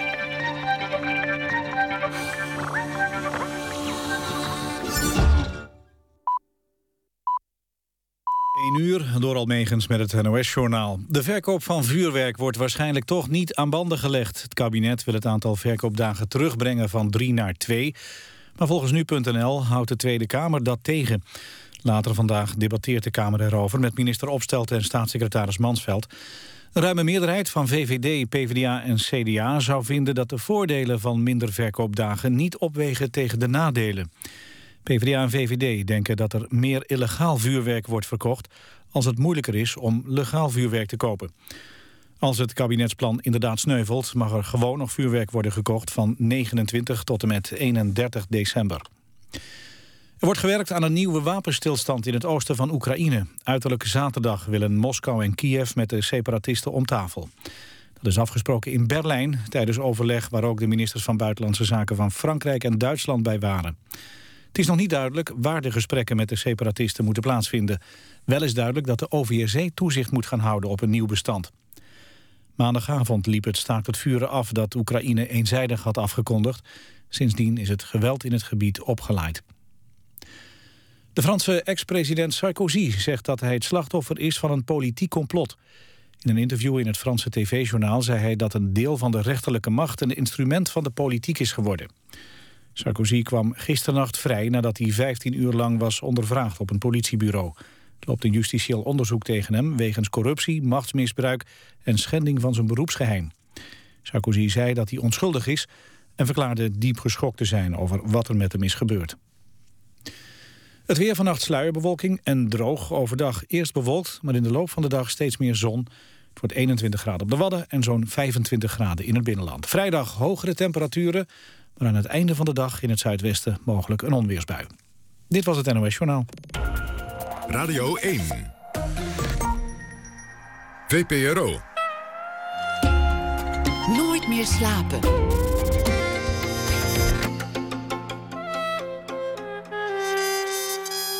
Met Pieter van der Wielen. U luistert naar Nooit meer slapen. We beginnen dit uur als gebruikelijk met een schrijver of dichter die we laten reageren op de wereld. Een verhaal bij de dag. En deze week is dat schrijfster Karin Amat Moukrin. Ze publiceerde tot nu toe vijf romans. Haar laatste roman, De Man van Veel, verscheen vorig jaar en is gebaseerd op het leven van de Surinaamse volksheldenschrijver Anton de Kom. Goedenacht, Karin. Goedenacht, Pieter. Wat heeft je vandaag bezig gehouden? Vannacht is, vandaag heeft mij... Uh, vandaag, de afgelopen, de nacht is nog ja, maar jong. Ja, ja, ja. ja, ja. uh, uh, 1 juli heeft mij erg bezig gehouden vandaag. Dat was gisteren, weliswaar. Um, Kitty Kotti. En dat is de... Dan Dag van de gebroken ketenen. Ja, ja, precies. Het is de herdenking van het Nederlandse slavernijverleden. Uh, en dat komt omdat het nu uh, vandaag een beetje in het nieuws kwam... Uh, wat er eigenlijk gisteren was gebeurd. Ik was erbij bij de herdenking van de afschaffing van de slavernij... bij het monument in het Oosterpark in Amsterdam. Mm -hmm. toen minister Ascher het woord wilde nemen... en hij werd onderbroken door een groep jongeren. Ik weet niet of je dat hebt meegekregen uit de media. Nee, heb ik niet meegekregen. Heb je gemist? Oh. Oké, nou, het uh, uh, was een groep jongeren die hem uh, nou ja, onderbrak en hun um, onvrede eigenlijk kenbaar maakte over de manier waarop Nederland met zijn geschiedenis omgaat en hoe racisme en discriminatie tot de dag van vandaag mee, nog meewerkt eigenlijk in, in de samenleving. En ik moest er vandaag aan denken erg omdat, omdat de manier waarop dat werd beschreven in de media en hoe ik dat zelf heb meegemaakt, dat niet precies hetzelfde was eigenlijk. Want ik zat daar en ik uh, zag die jongeren en ik begreep hun emotie en hun woede, hun frustratie ook. ik keek naar het podium en ik zag minister Ascher met al zijn goede bedoelingen. En ik begreep hem ook. Ehm, en dat heeft me erg bezig gehouden. Hoe je uh, die twee partijen eigenlijk uh, hun mening stoelen op hele andere gronden. Uh, en dat die dialoog zo, zo belangrijk, maar ook zo moeilijk is... omdat je eigenlijk je, je eigen grond moet verlaten om de ander te benaderen, snap je? Ja, nou was, was, vorig jaar was het, was het jaar van het grote gebaar.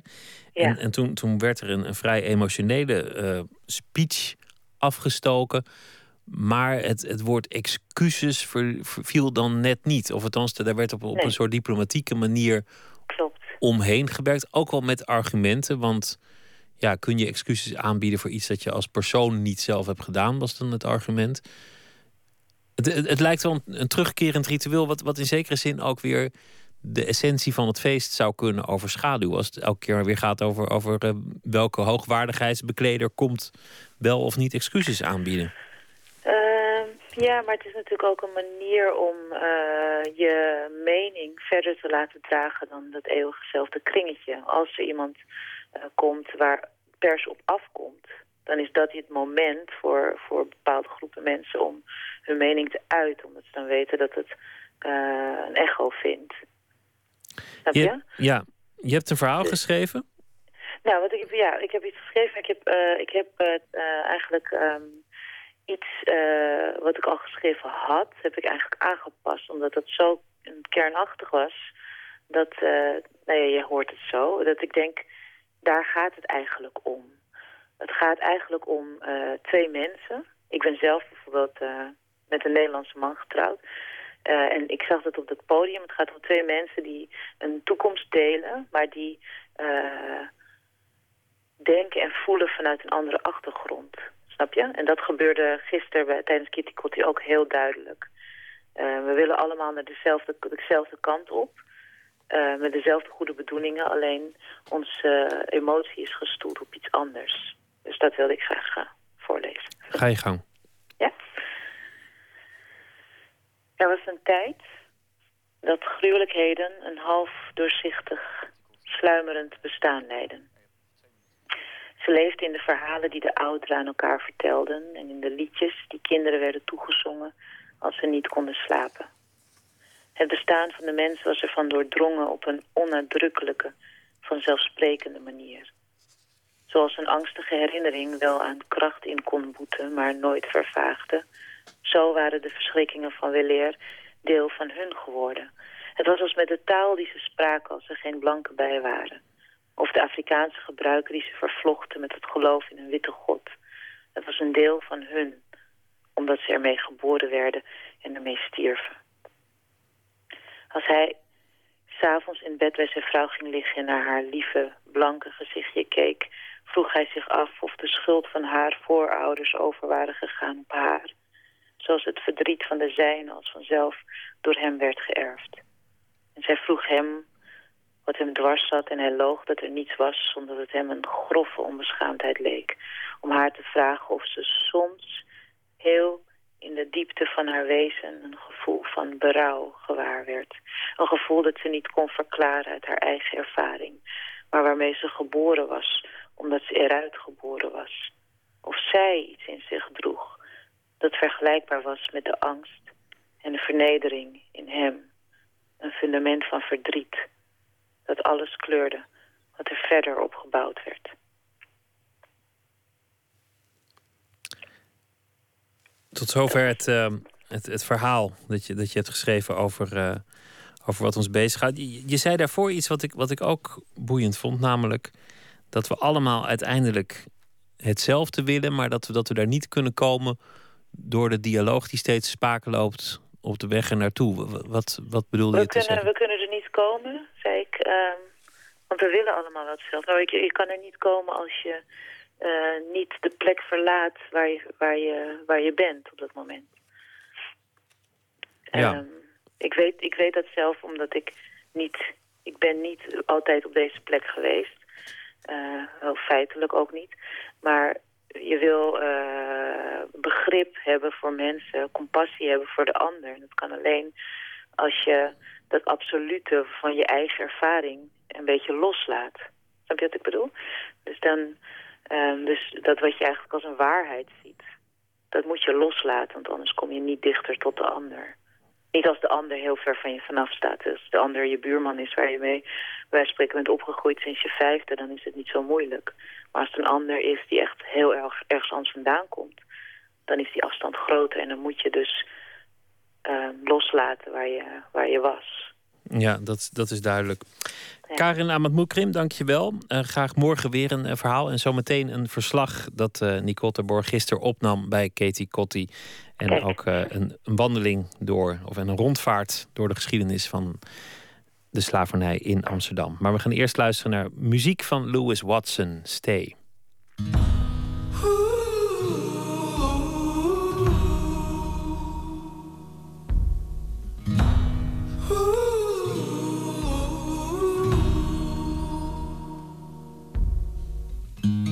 When I close my eyes, I hear you singing. Singing me a song that I'll forget, I always forget. I try to trick myself back to sleeping.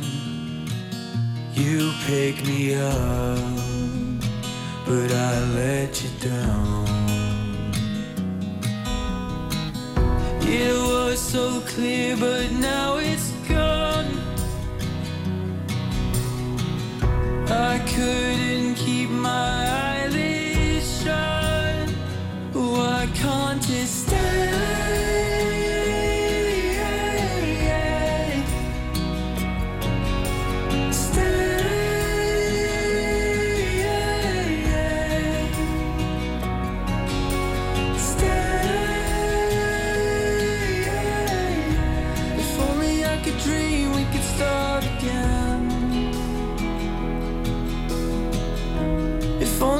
A dream, we could start again.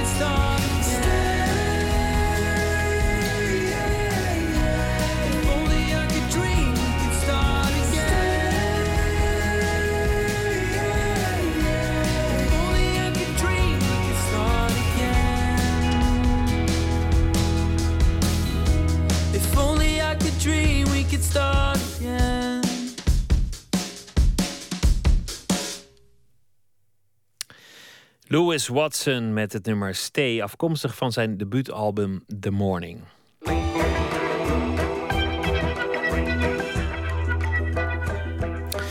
Zoals eh, Karin Amatmoekrim het net al zei, het was gisteren Katie Kotti, de dag van de verbroken ketenen. De dag waarop de slavernij wordt herdacht en de afschaffing ervan wordt gevierd. Onze verslaggever Nicole Terborg vierde dit op gepaste wijze... door iets te doen waar ze eigenlijk al een tijdje flink tegenop zag. Het bekijken van de film, 12 Years a Slave... en het doen en maken van de Black Heritage Tour in Amsterdam. Dat is een drie uur durende rondvaart... die de verborgen geschiedenis van de Afrikaanse diaspora... in de hoofdstad laat zien. Nicole Sus schrijver en kunstenares Glynis Terborg die had datzelfde gevoel van tegenzin. In de volgende reportage gaan de zussen samen de confrontatie met het verleden aan.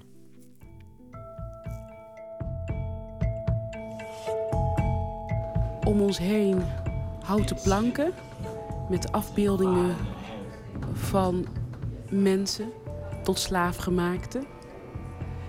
En er hangen ook allemaal kaartjes. Ja, een soort name tags met eh, daarop eh, getallen. Geen namen, maar getallen. Mensen kregen een getal. Hun eh, naam werd afgenomen. En, ja, het is heftig als je al die eh, getallen ziet hangen als name tags aan het plafond. Maar sowieso de ruimte, het is donker. Het lijkt op de, de, de, ja, de buik van een schip. De mensen werden gewoon liggend vervoerd, hè? Gewoon allemaal liggend, vastgeketend. En dan al die maanden over de zee. Mensen gingen ook dood, overleven, overleefden de tocht ook niet. Uitwerpselen, Weet je dat je, overgeven. weet je dat je niet rechtop kon zitten? Het was maar eh, 70 centimeter hoog waar ze lagen. Dus je kon niet rechtop zitten. Dus je kon een soort half overeind komen. Ik heb het geprobeerd onder een tafel. Probeer maar eens onder een tafel te liggen. Vreselijk.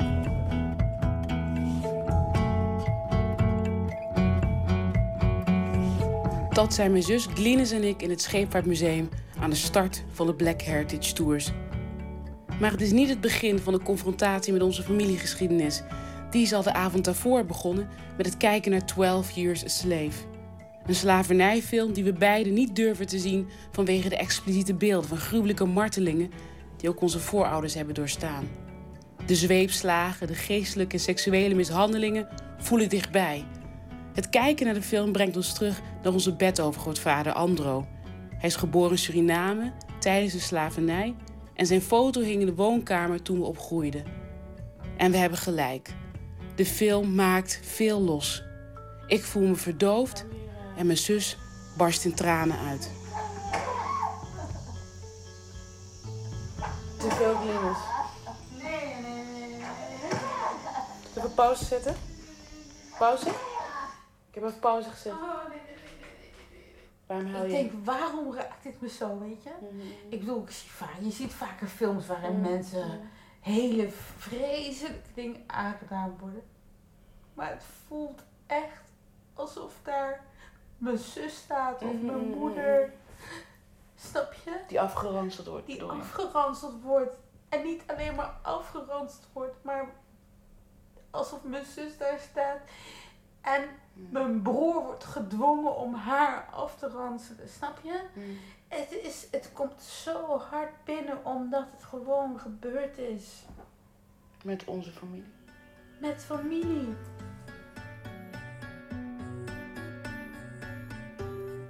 Onze reis naar het verleden gaat verder. We zijn in het Scheepvaartmuseum. De Surinaams-Amerikaanse Jennifer Tosh is de oprichter van de Black Heritage Tours.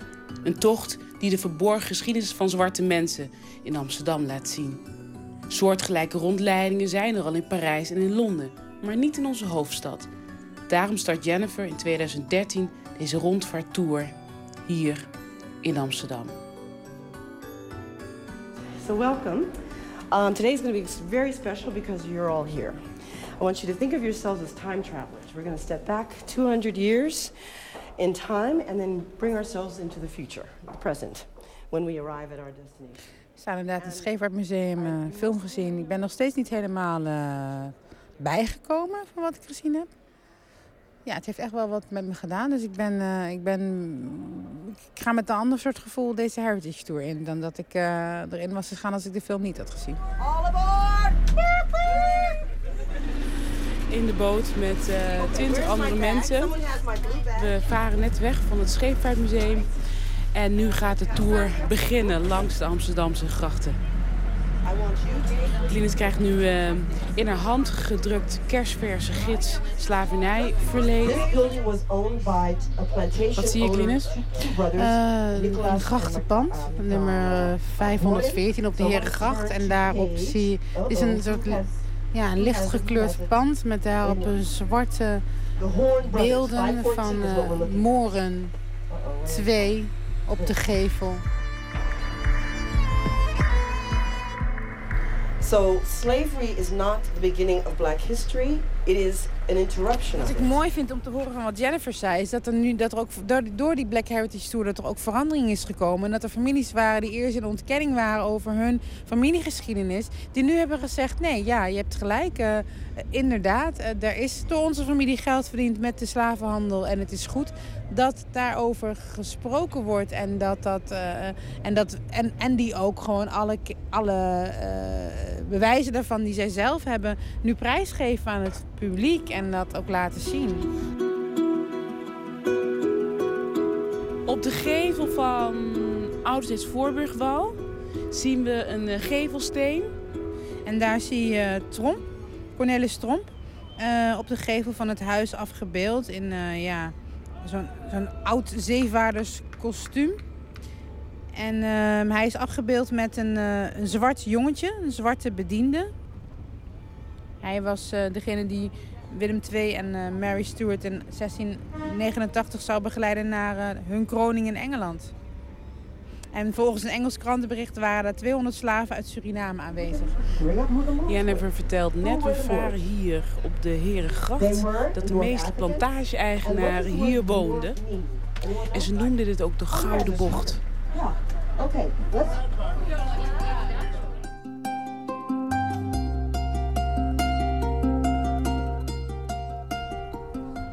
Voor mij is deze tour langs de plekken waar je kan zien dat zwarte mensen hier al eeuwen wonen, is een soort eye-opener die ik vind dat alle Nederlanders zouden moeten hebben, wit of zwart.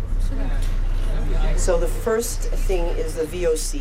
Obviously, was the first multinational company that was formed in 1602. Ik bedoel, ik ben geboren en getogen in Nederland. En nog steeds krijg je dan af en toe van die vragen van... wat spreek jij goed Nederlands? En waar kom je echt vandaan? En dan ben ik vaak nog steeds zo verbaasd. Dan denk ik van, ken je onze gedeelde geschiedenis niet? Ik ben hier omdat zij daar waren. En voor mij is het niet eens meer wij en zij. We hebben een gedeelde geschiedenis. En het gaat om dat te erkennen. En dan kan je ook het verborgen racisme zien wat nu in Nederland speelt. Waar ik mee te maken heb, waar andere Nederlanders mee te maken hebben. Want we zijn allemaal Nederlanders, dus we mogen het allemaal mogen erover hebben. En het niet wegwuiven van je bent te overgevoelig. Nee, ken je geschiedenis, ken onze geschiedenis. Nou ja, waar ik aan denk is eh, mijn zoon eh, die de hoogste CITO-score had praktisch van zijn klas. En eh, geen VWO-advies kreeg. Waar andere kinderen uit zijn klas met een mindere CITO-score dat wel kregen. En waarbij de uitleg was, ja maar Grieks en Latijn. Het is een jongen die moet eh, eh, muziek maken. 1863 is not really the day of, eman- uh, of emancipation. Ten years longer, and if you try to leave, you would be punished. We varen nu langs eh, grachtenpanden waar je zwarte mensen ziet eh, op de voorgevel. Maar ook pakhuizen waar vandaan koffie en suiker is verkocht. Banken die nu nog bestaan, die ehm, geld hebben verdiend aan de slavernij. WIC-gebouwen, VOC-gebouwen. Dus deze stad is gewoon helemaal doordrenkt, inderdaad. Zoals jij net zelf Van de Afrikaanse diaspora. Ja, en wat ik zo fijn vind nu eigenlijk, en dat realiseer ik me nu, is... Ja, ik kan die stad kijken en de overblijfselen zien van de Afrikaanse diaspora. En daarna kijken als, oh wauw, is dat er ook? met gewoon een nieuwsgierige blik. De zwarte geschiedenis is niet begonnen bij de slavernij. Dat is iets wat ik ook echt haal uit deze, uit deze tour.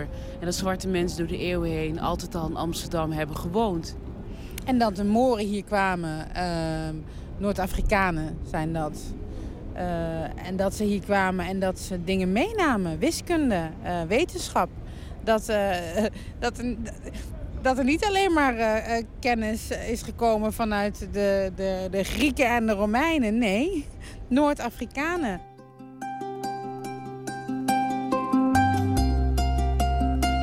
Is that it's very complicated. It's not just black and white. It's intertwined. Jennifer zei heel mooi dat het niet allemaal zwart-wit is, dat het allemaal door elkaar loopt, dat er heel veel eh grijstinten zijn, dat er eh, eh, witte mensen zijn die gevochten hebben voor afschaffing van de slavernij en dat er zwarte mensen waren die slaven hielden.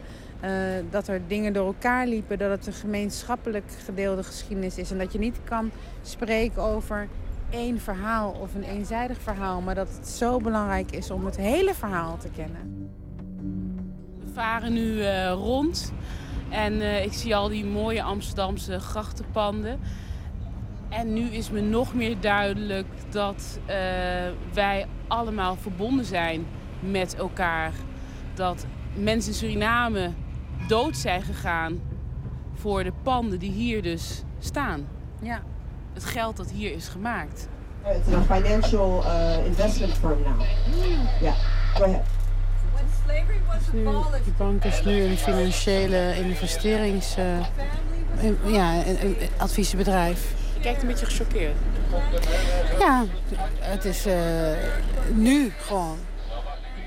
Het heeft directe gevolgen in het nu. Het geld wat toen verdiend is door het houden van slaven. Daarmee hebben bedrijven nu nog steeds, maken ze nog steeds geld.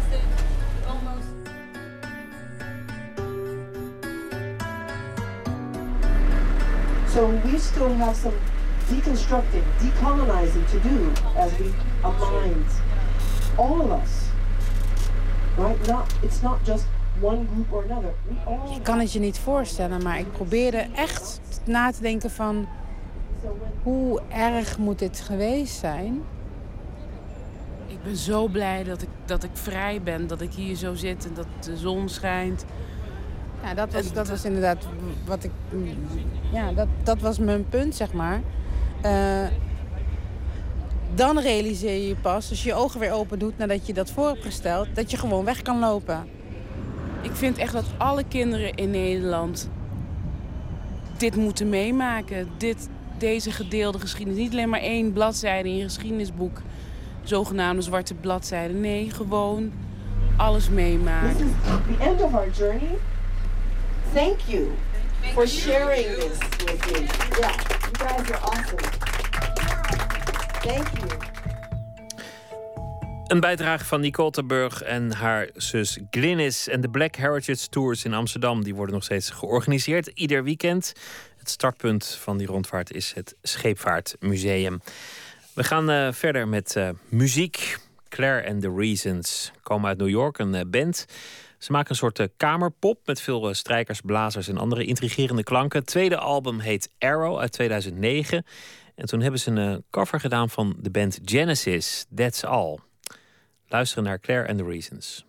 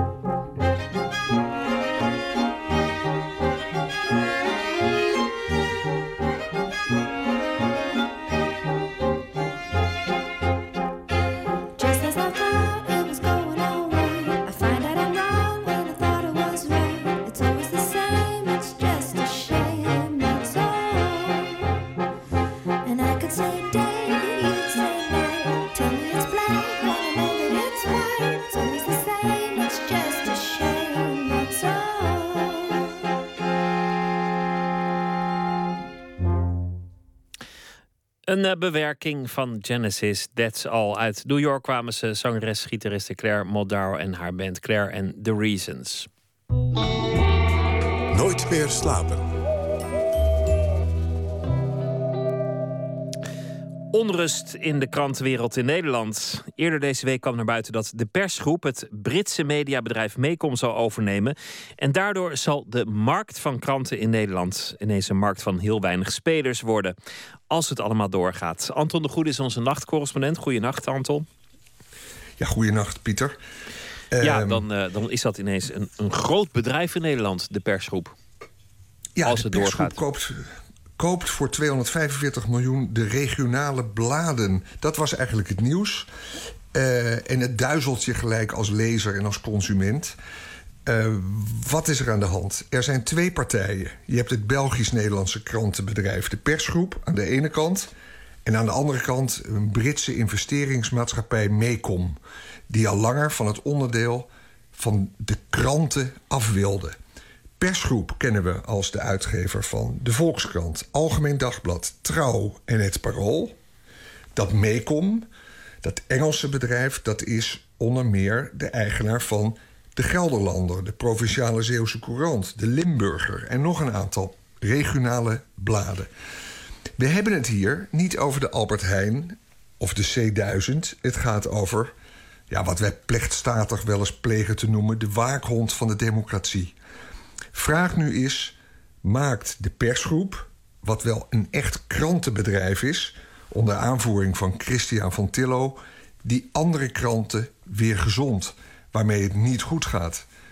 Maar ja, er zijn allerlei vragen die zich aandienen. Volgen er veel ontslagen? Hoe zit het met het feit dat er een enorme machtsconcentratie eh, ontstaat? Hoe zit het met de positie van heel veel freelancers? En natuurlijk soort de, vragen. De, de belangrijkste Mhm. vraag: het, het is niet een markt die groeit. Als je een krant Nee. koopt, dan weet je, de oplage zal niet spectaculair stijgen. Of je moet een heel goed plan hebben. Maar ik zou ook niet weten wat dat zou moeten zijn, dat hele goede plan. Kortom, hoe gaan ze dat doen? Wat zijn ze ermee van plan? Ja, dat is de kernvraag. Eh, want inderdaad, de, net een week daarvoor bleek dat de papieren eh, kranten enorm eh, te lijden hebben aan abonnementenverlies en oplageverlies, advertentieinkomsten die dalen, et cetera, et cetera.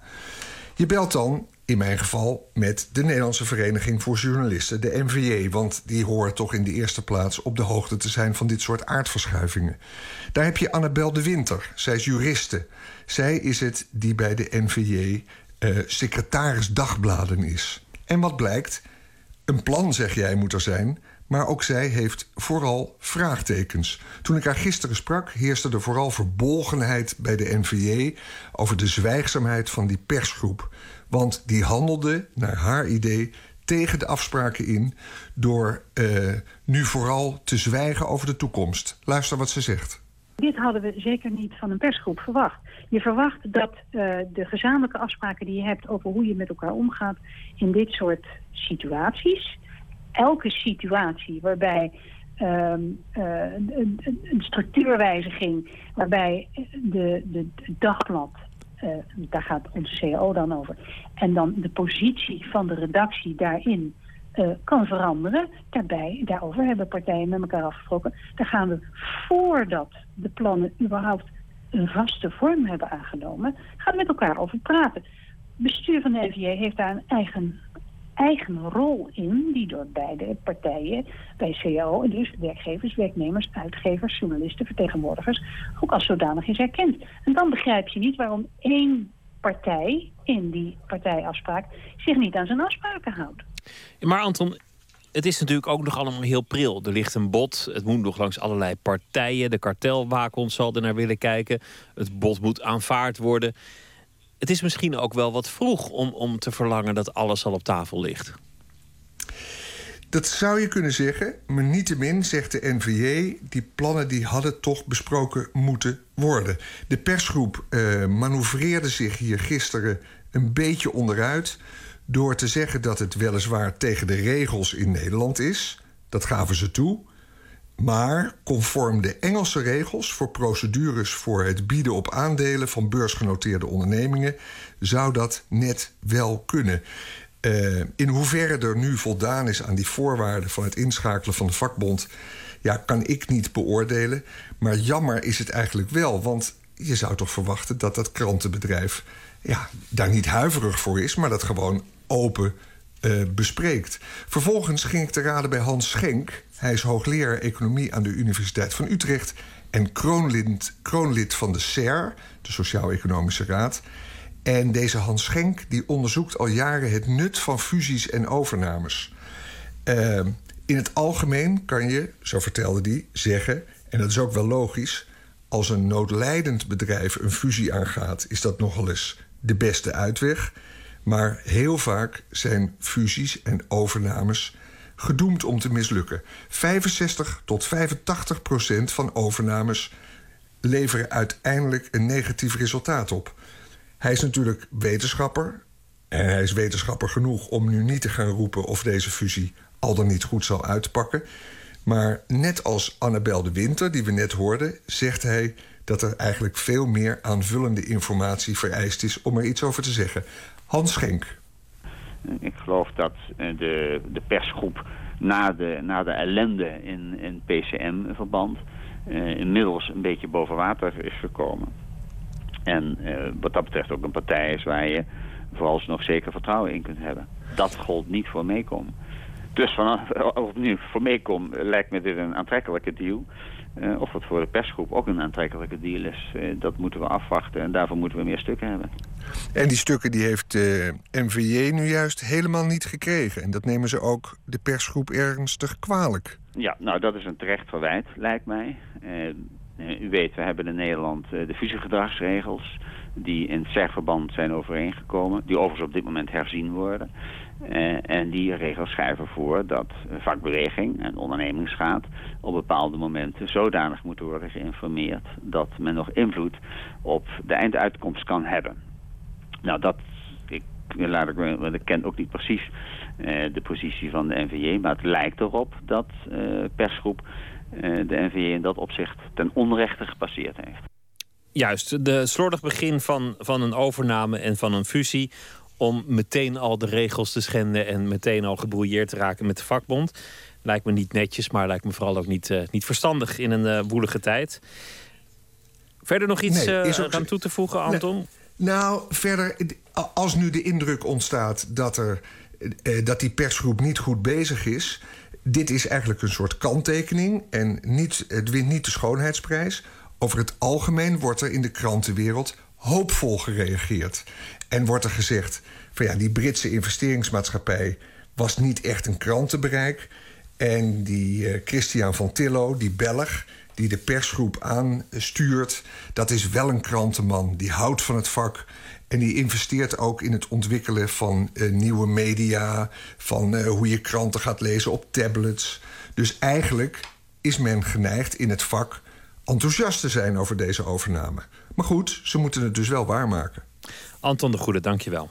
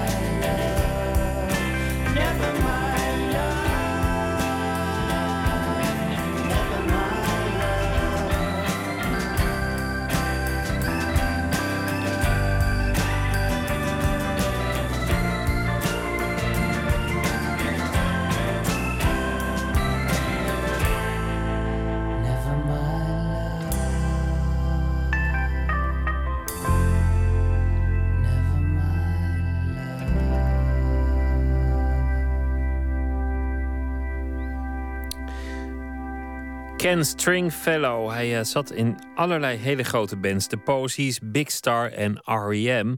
En tegelijk maakte hij ook al twintig jaar zijn eigen werk. En dit was eh, een van die eigen liedjes, Never My Love.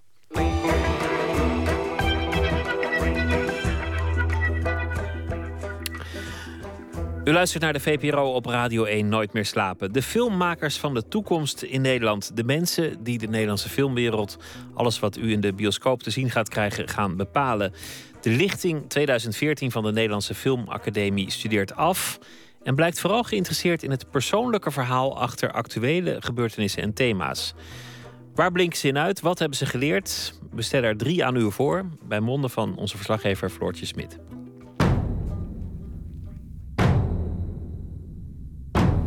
Ik kan niet weten wie problemen heeft en wie niet. Tegenwoordig eh, jongens halen de 25 niet eens. Kom op! Het is natuurlijk heel erg een cliché van eh, boksen als oplossing voor, voor een, een perspectiefloos leven in de, in de ghetto of zo. Je wilt nog geen sessions halen? Maar dat, ik, ik denk dat het wel is gelukt om, om op, op een goede manier te spelen met die clichés. En dat, en dat deze, jongens, deze jongens heel authentiek zijn. Actuele gebeurtenissen of thema's op een andere manier bekijken. Het is één van de dingen die lichting 2014 van de Nederlandse Filmacademie kenmerkt. De economische crisis komt langs in de afstudeerfilms, pedofilie en dus ook de grote stadsproblematiek. Regisseur Bart van den Aardweg neemt ons in zijn documentaire Noordoost Hard West mee naar de kickboxers in Amsterdam-West. In de kleedkamers komen we, bezweet in de ring, en we staan op de pleintjes waar ze rondhangen. Eh, ja, ik, ik speelde eigenlijk vanaf het, vanaf het eerste jaar wel een beetje met het idee om iets, iets, van, iets van mijn eigen jeugd terug te halen. En zeker nu, nu dit zo'n issue is, zo'n beladen issue en ook het- waar ook heel overspannen over wordt gediscussieerd, vind ik.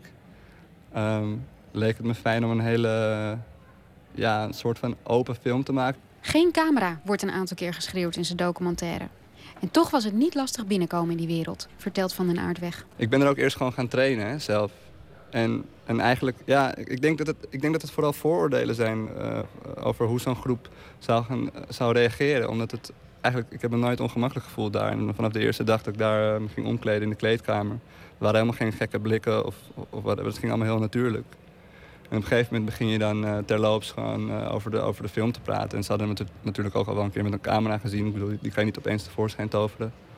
En dus gewoon heel open over de intenties en, en, en, en wat, je, wat je van de, sommige dingen in de, in de, in de buurt vindt. Eh, ook, ook wat eigen verhalen op tafel gelegd. En dan, ehm, ja, toen bleek gewoon dat er een, dat er wel een verhaal lag, zeg maar, daar in die omgeving. En dat, en dat jongens er ook mee, aan, aan, aan mee wilden werken. Kom op, doorpikkelen, kom op. Je hoeft niet te gaan kickboksen, dat hoeft niet. Als je maar gewoon iets gaat doen. Noordoost Hard West won de VPRO Documentaireprijs. Het is een film die je regelmatig op het verkeerde been zet, stond er in het juryrapport. Elke aanname die je in de gekozen arena hebt, wordt keer op keer omgedraaid. je wil niet de, de, de mensen die ze afschieten nog meer munitie geven, zeg maar. Dan, dan waren we ons doel echt volledig voorbijgeschoten. Maar je wil ook niet dingen te veel romantiseren. Dus we hebben gewoon geprobeerd heel... heel de, de film schuurt ook hier en daar. Het is ook niet, we presenteren ook geen oplossing of zo voor een, voor een jongerenprobleem. Het is gewoon heel erg... eh, eh, maar je kan wel goed naar, naar, de, naar de jongens kijken. En, eh, Ik, ik wil het ei- eigenlijk ook niet over Nederlandse Marokkanen hebben, maar gewoon over jonge jongens. En dat het gewoon, dat die leeftijd, dat, gaat om die leeftijdsgroep die gewoon, die gewoon glibberig is was voor mij in ieder geval ook een, een, een, een gebied waar, waar het ook zomaar de andere kant op had kunnen gaan. Ben jij vervelend? Je staat er zo goed voor. Ja. Dan ga je, ga je zo doen. Ik snap het niet. Ik snap het ook niet. Iets soortgelijks dacht filmregisseur Juan Carlos Sanchez toen hij las over de gestolen eindexamens in 2013. We hoorden hier en daar al heel snel dat eh, eh, wat, een, eh, wat een eikels of wat een kutgast of wat dan ook. En ik dacht meer van, oh, nou... eh, als, als ik de kans had om examens te delen, dan zou ik het ook doen, denk ik, weet je. Dus dat was voor ons het vertrekpunt om, ehm, om ja, eigenlijk te onderzoeken... wat zit er achter die ondeugendheid of baldadigheid. In de fictiefilm Game Boy portretteert hij vier vrienden van de HAVO... die eindexamens weten te stelen en doorverkopen. Ik eh, hoop films te maken over eh, mensen en, ehm, hopelijk eh, mensen die niet perfect zijn, weet je wel. Dus eh, mensen die nog iets te winnen hebben of nog iets te, ehm, te verbeteren aan zichzelf. Imperfecte personages in ieder geval.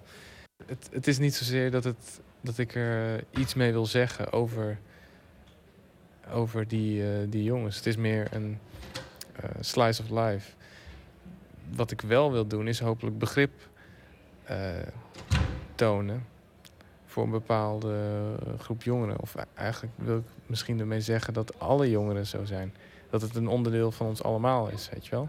Fouten maken of ehm, ehm, verleid worden door iets, zeg maar. Dat is niet per se, dat, dat, dat zouden we in mijn ogen... Misschien klinkt, klinkt het heel christelijk, maar dat zouden we niet zozeer moeten veroordelen. Waar Game Boy en trouwens meer filmacademiefilms dit jaar in uitblinken, is acteursregie. De vier jongens lijken in de film van Sanchez elkaar al jaren te kennen. Zo natuurlijk gaan ze met elkaar om. Ik vind improvisatie een beetje lastig, omdat het dat, dat is vlierenfluiten, maar ze, ze hebben doelgerichte opdrachten gekregen. Dus eh, dan, dan begint de scène en dan eh, vertel ik elke acteur wat, wat het, doel van de scène is. En dan doen we hem nog een keer. En dan, eh, dan geef ik context aan die, aan die eh, scène. Waardoor ze zelf ook gaan nadenken en ook heel veel zelf gaan invullen. Eigenlijk geef ik heel veel uit handen. Ehm, ja, het is dus een soort van gestuurde manier van improviseren. Eh, die jongens hebben zelf geen eh, scenario gezien, dus die wisten niet waar de film over zou gaan. Eh, wel over de thema's gesproken natuurlijk, maar eh, heel erg over het gevoel. Eigenlijk hebben we ze een beetje opgefokt eigenlijk. Het klinkt misschien een beetje gemeen, maar we hebben ze helemaal ehm, in die staat van bewustzijn gezet. Dus het is een soort, misschien ook wel indirecte method of zo. Dat ze helemaal zijn, zijn, zijn en dat we dan die, die scènes gaan spelen. Ehm, we hebben bijna nooit dingen twee keer hetzelfde gedaan. Dus op het moment dat je dat doet, je speelt eigenlijk een soort poker met de, met de scène. Eh, op het moment dat je dat doet, weet je gewoon, oké, in de montage kan het of kop of munt zijn, of ik haal iets uit, of ik haal niet iets uit. Ik bedoel, dat is een hele gevaarlijke manier van film maken, misschien, maar eh, ik ben op zoek naar dat, dat, dat magische tintje, dat, dat, dat je net denkt van, kijk ik nu echt naar mensen, weet je wel? Mea de Jong is ook een maker die grotere thema's terugbrengt tot een persoonlijk verhaal. In dit geval dat van haarzelf. Toen ze vastliep tijdens het maken van een documentaire over het feminisme, kwam haar moeder nota bene met het idee voor een film. Er zijn zo'n vier generaties vrouwen voor jou die het allemaal zonder man hebben gedaan. Het zijn allemaal zelfstandige vrouwen geweest die eh, in hun eentje gezinnen hebben gedraaid. Mannen waren er niet. En dat wordt doorgegeven. Dat is toch gek?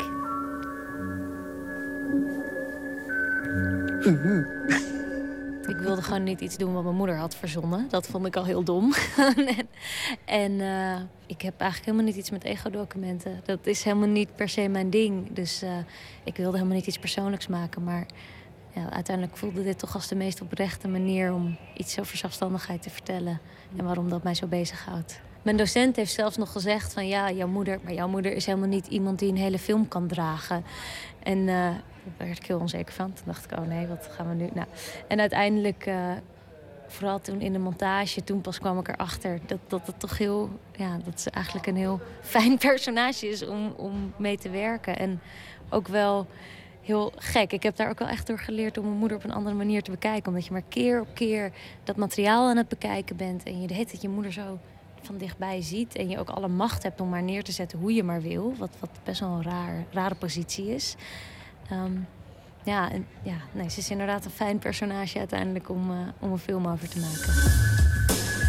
Hoe groot is de kans dat ik voor de rest van mijn leven bij een man blijf? Ehm, heel klein. Als je bijvoorbeeld een film over, je, over het loslaten tussen moeder en dochter maakt, kan je ook een film maken over dat je samen eh, de kamer uitruimt eh, voor je uit huis gaat. En ik wilde graag een handeling samen hebben, maar die handeling was samen een film maken. En de discussies die wij samen over die film kregen, dat is de rode draad, de eigenlijke rode draad. Dus als ik bijvoorbeeld haar zender goed doe, dat zij dan zegt: nee, je moet een beetje meer zo of zo. Dat, die kleine discussies die laten onze relatie echt zien. Het is grappig, want ik, ik vroeg, begon me wel af te vragen tijdens de film... of jij misschien ook een rol speelde puur om je moeder af en toe uit de tent te lokken. Nou, de grap is, ik wilde dat heel graag in het begin. En uiteindelijk was ik degene die juist gefrustreerd raakte. En heb ik haar helemaal niet echt... Zij vond alles grappig en gezellig. En aan het einde van de draaiperiode weet ik nog heel erg dat zij... Nou, dat was toch heel gezellig en dat was toch heel leuk. Terwijl ik echt helemaal zat van... Oh nee, het is helemaal niet, dit is helemaal niet gelopen zoals ik wilde. En dus het was wel de bedoeling om haar echt flink aan de tand te voelen. En uiteindelijk is dat best wel andersom gebeurd. Daarom ook die verandering van... wordt het niet tijd dat jij hier gaat zitten? Dat het eigenlijk... Ja, ja, dat hoop ik. Ik denk ook dat elke vraag, zo hebben we het ook wel gemonteerd, dat elke vraag die ik stel aan mijn moeder eigenlijk ook een vraag is die ik aan mezelf zou kunnen stellen. Van miste je niet je vader? En eh, weet je, wel, was ze niet ook heel eenzaam? En allemaal dat soort vragen, dat, die slaan ook weer terug op mij in zekere zin. Maak het me niet makkelijk. Je kan niet van mij verwachten dat ik dingen ga vertellen die in jouw portret of in jouw film eh, goed uitkomen. Want dat, nou, dat doe ik niet. Een, een lesje, het beeld loslaten wat je van tevoren hebt van een film... is eigenlijk heel waardevol, denk ik, voor een documentairemaker. Ja, zeker. Ja, en ook wel wat er voortkomt uit helemaal in de put zitten. Dat je iets over emancipatie wil maken en daardoor helemaal... Ja, dat, volgens mij kom je in die diepte juist weer dingen tegen... Die, waar je anders misschien wel nooit helemaal op was gekomen. Dus wat dat betreft is dat heel waardevol, ja. En ook los durven laten. Vind ik nog steeds heel moeilijk, maar dat echt met je los durven laten gaan. En die interviews, ik kon heel veel dingen kon ik niet controleren. En dat zijn de mooiste dingen geworden eigenlijk. Het werk van de lichting 2014 van de Filmacademie is te beoordelen als u dat zelf wilt doen de komende dagen in AI in Amsterdam, het eh, Filmmuseum. Kijk op de website voor meer informatie. We gaan luisteren naar muziek van George Ezra, Watching Paint Dry, song nummer 6.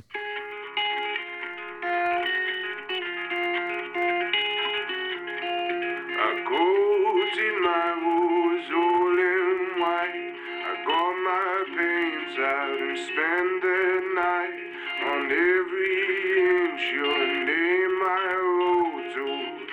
Since you're gone, I've been watching paint dry. Since you're gone, I've been watching paint dry. Since you're gone, I've been watching paint dry.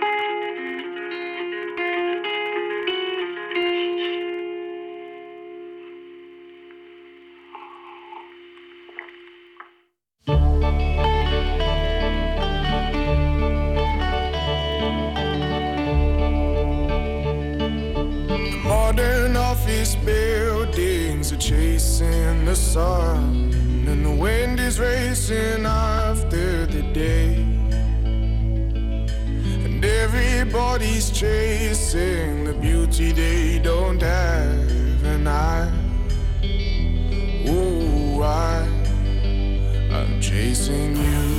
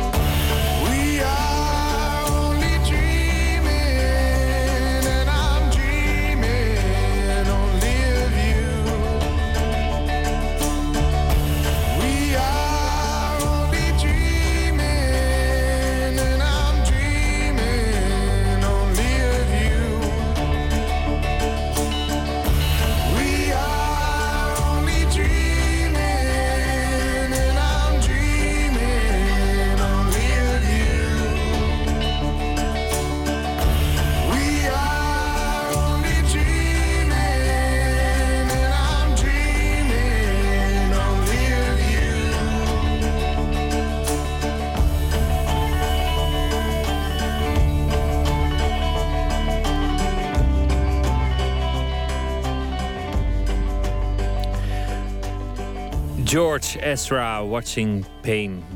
Paint Dry was het nummer, song nummer 6. Daarmee zijn we aan het einde gekomen van deze aflevering van Nooit meer slapen. Morgen zijn we er weer. Na middernacht dan komt Arabist Maurits Berger langs. Hij is kenner van de islam en eh, geeft zijn analyse van alle gebeurtenissen in het eh, Midden-Oosten van de laatste weken. En dat zijn er nogal wat. Voor nu een hele goede nacht. Straks eh, lekker slapen, maar eerst nog luisteren tot het ochtendgloren naar Francisco van Jolen. Goeienacht.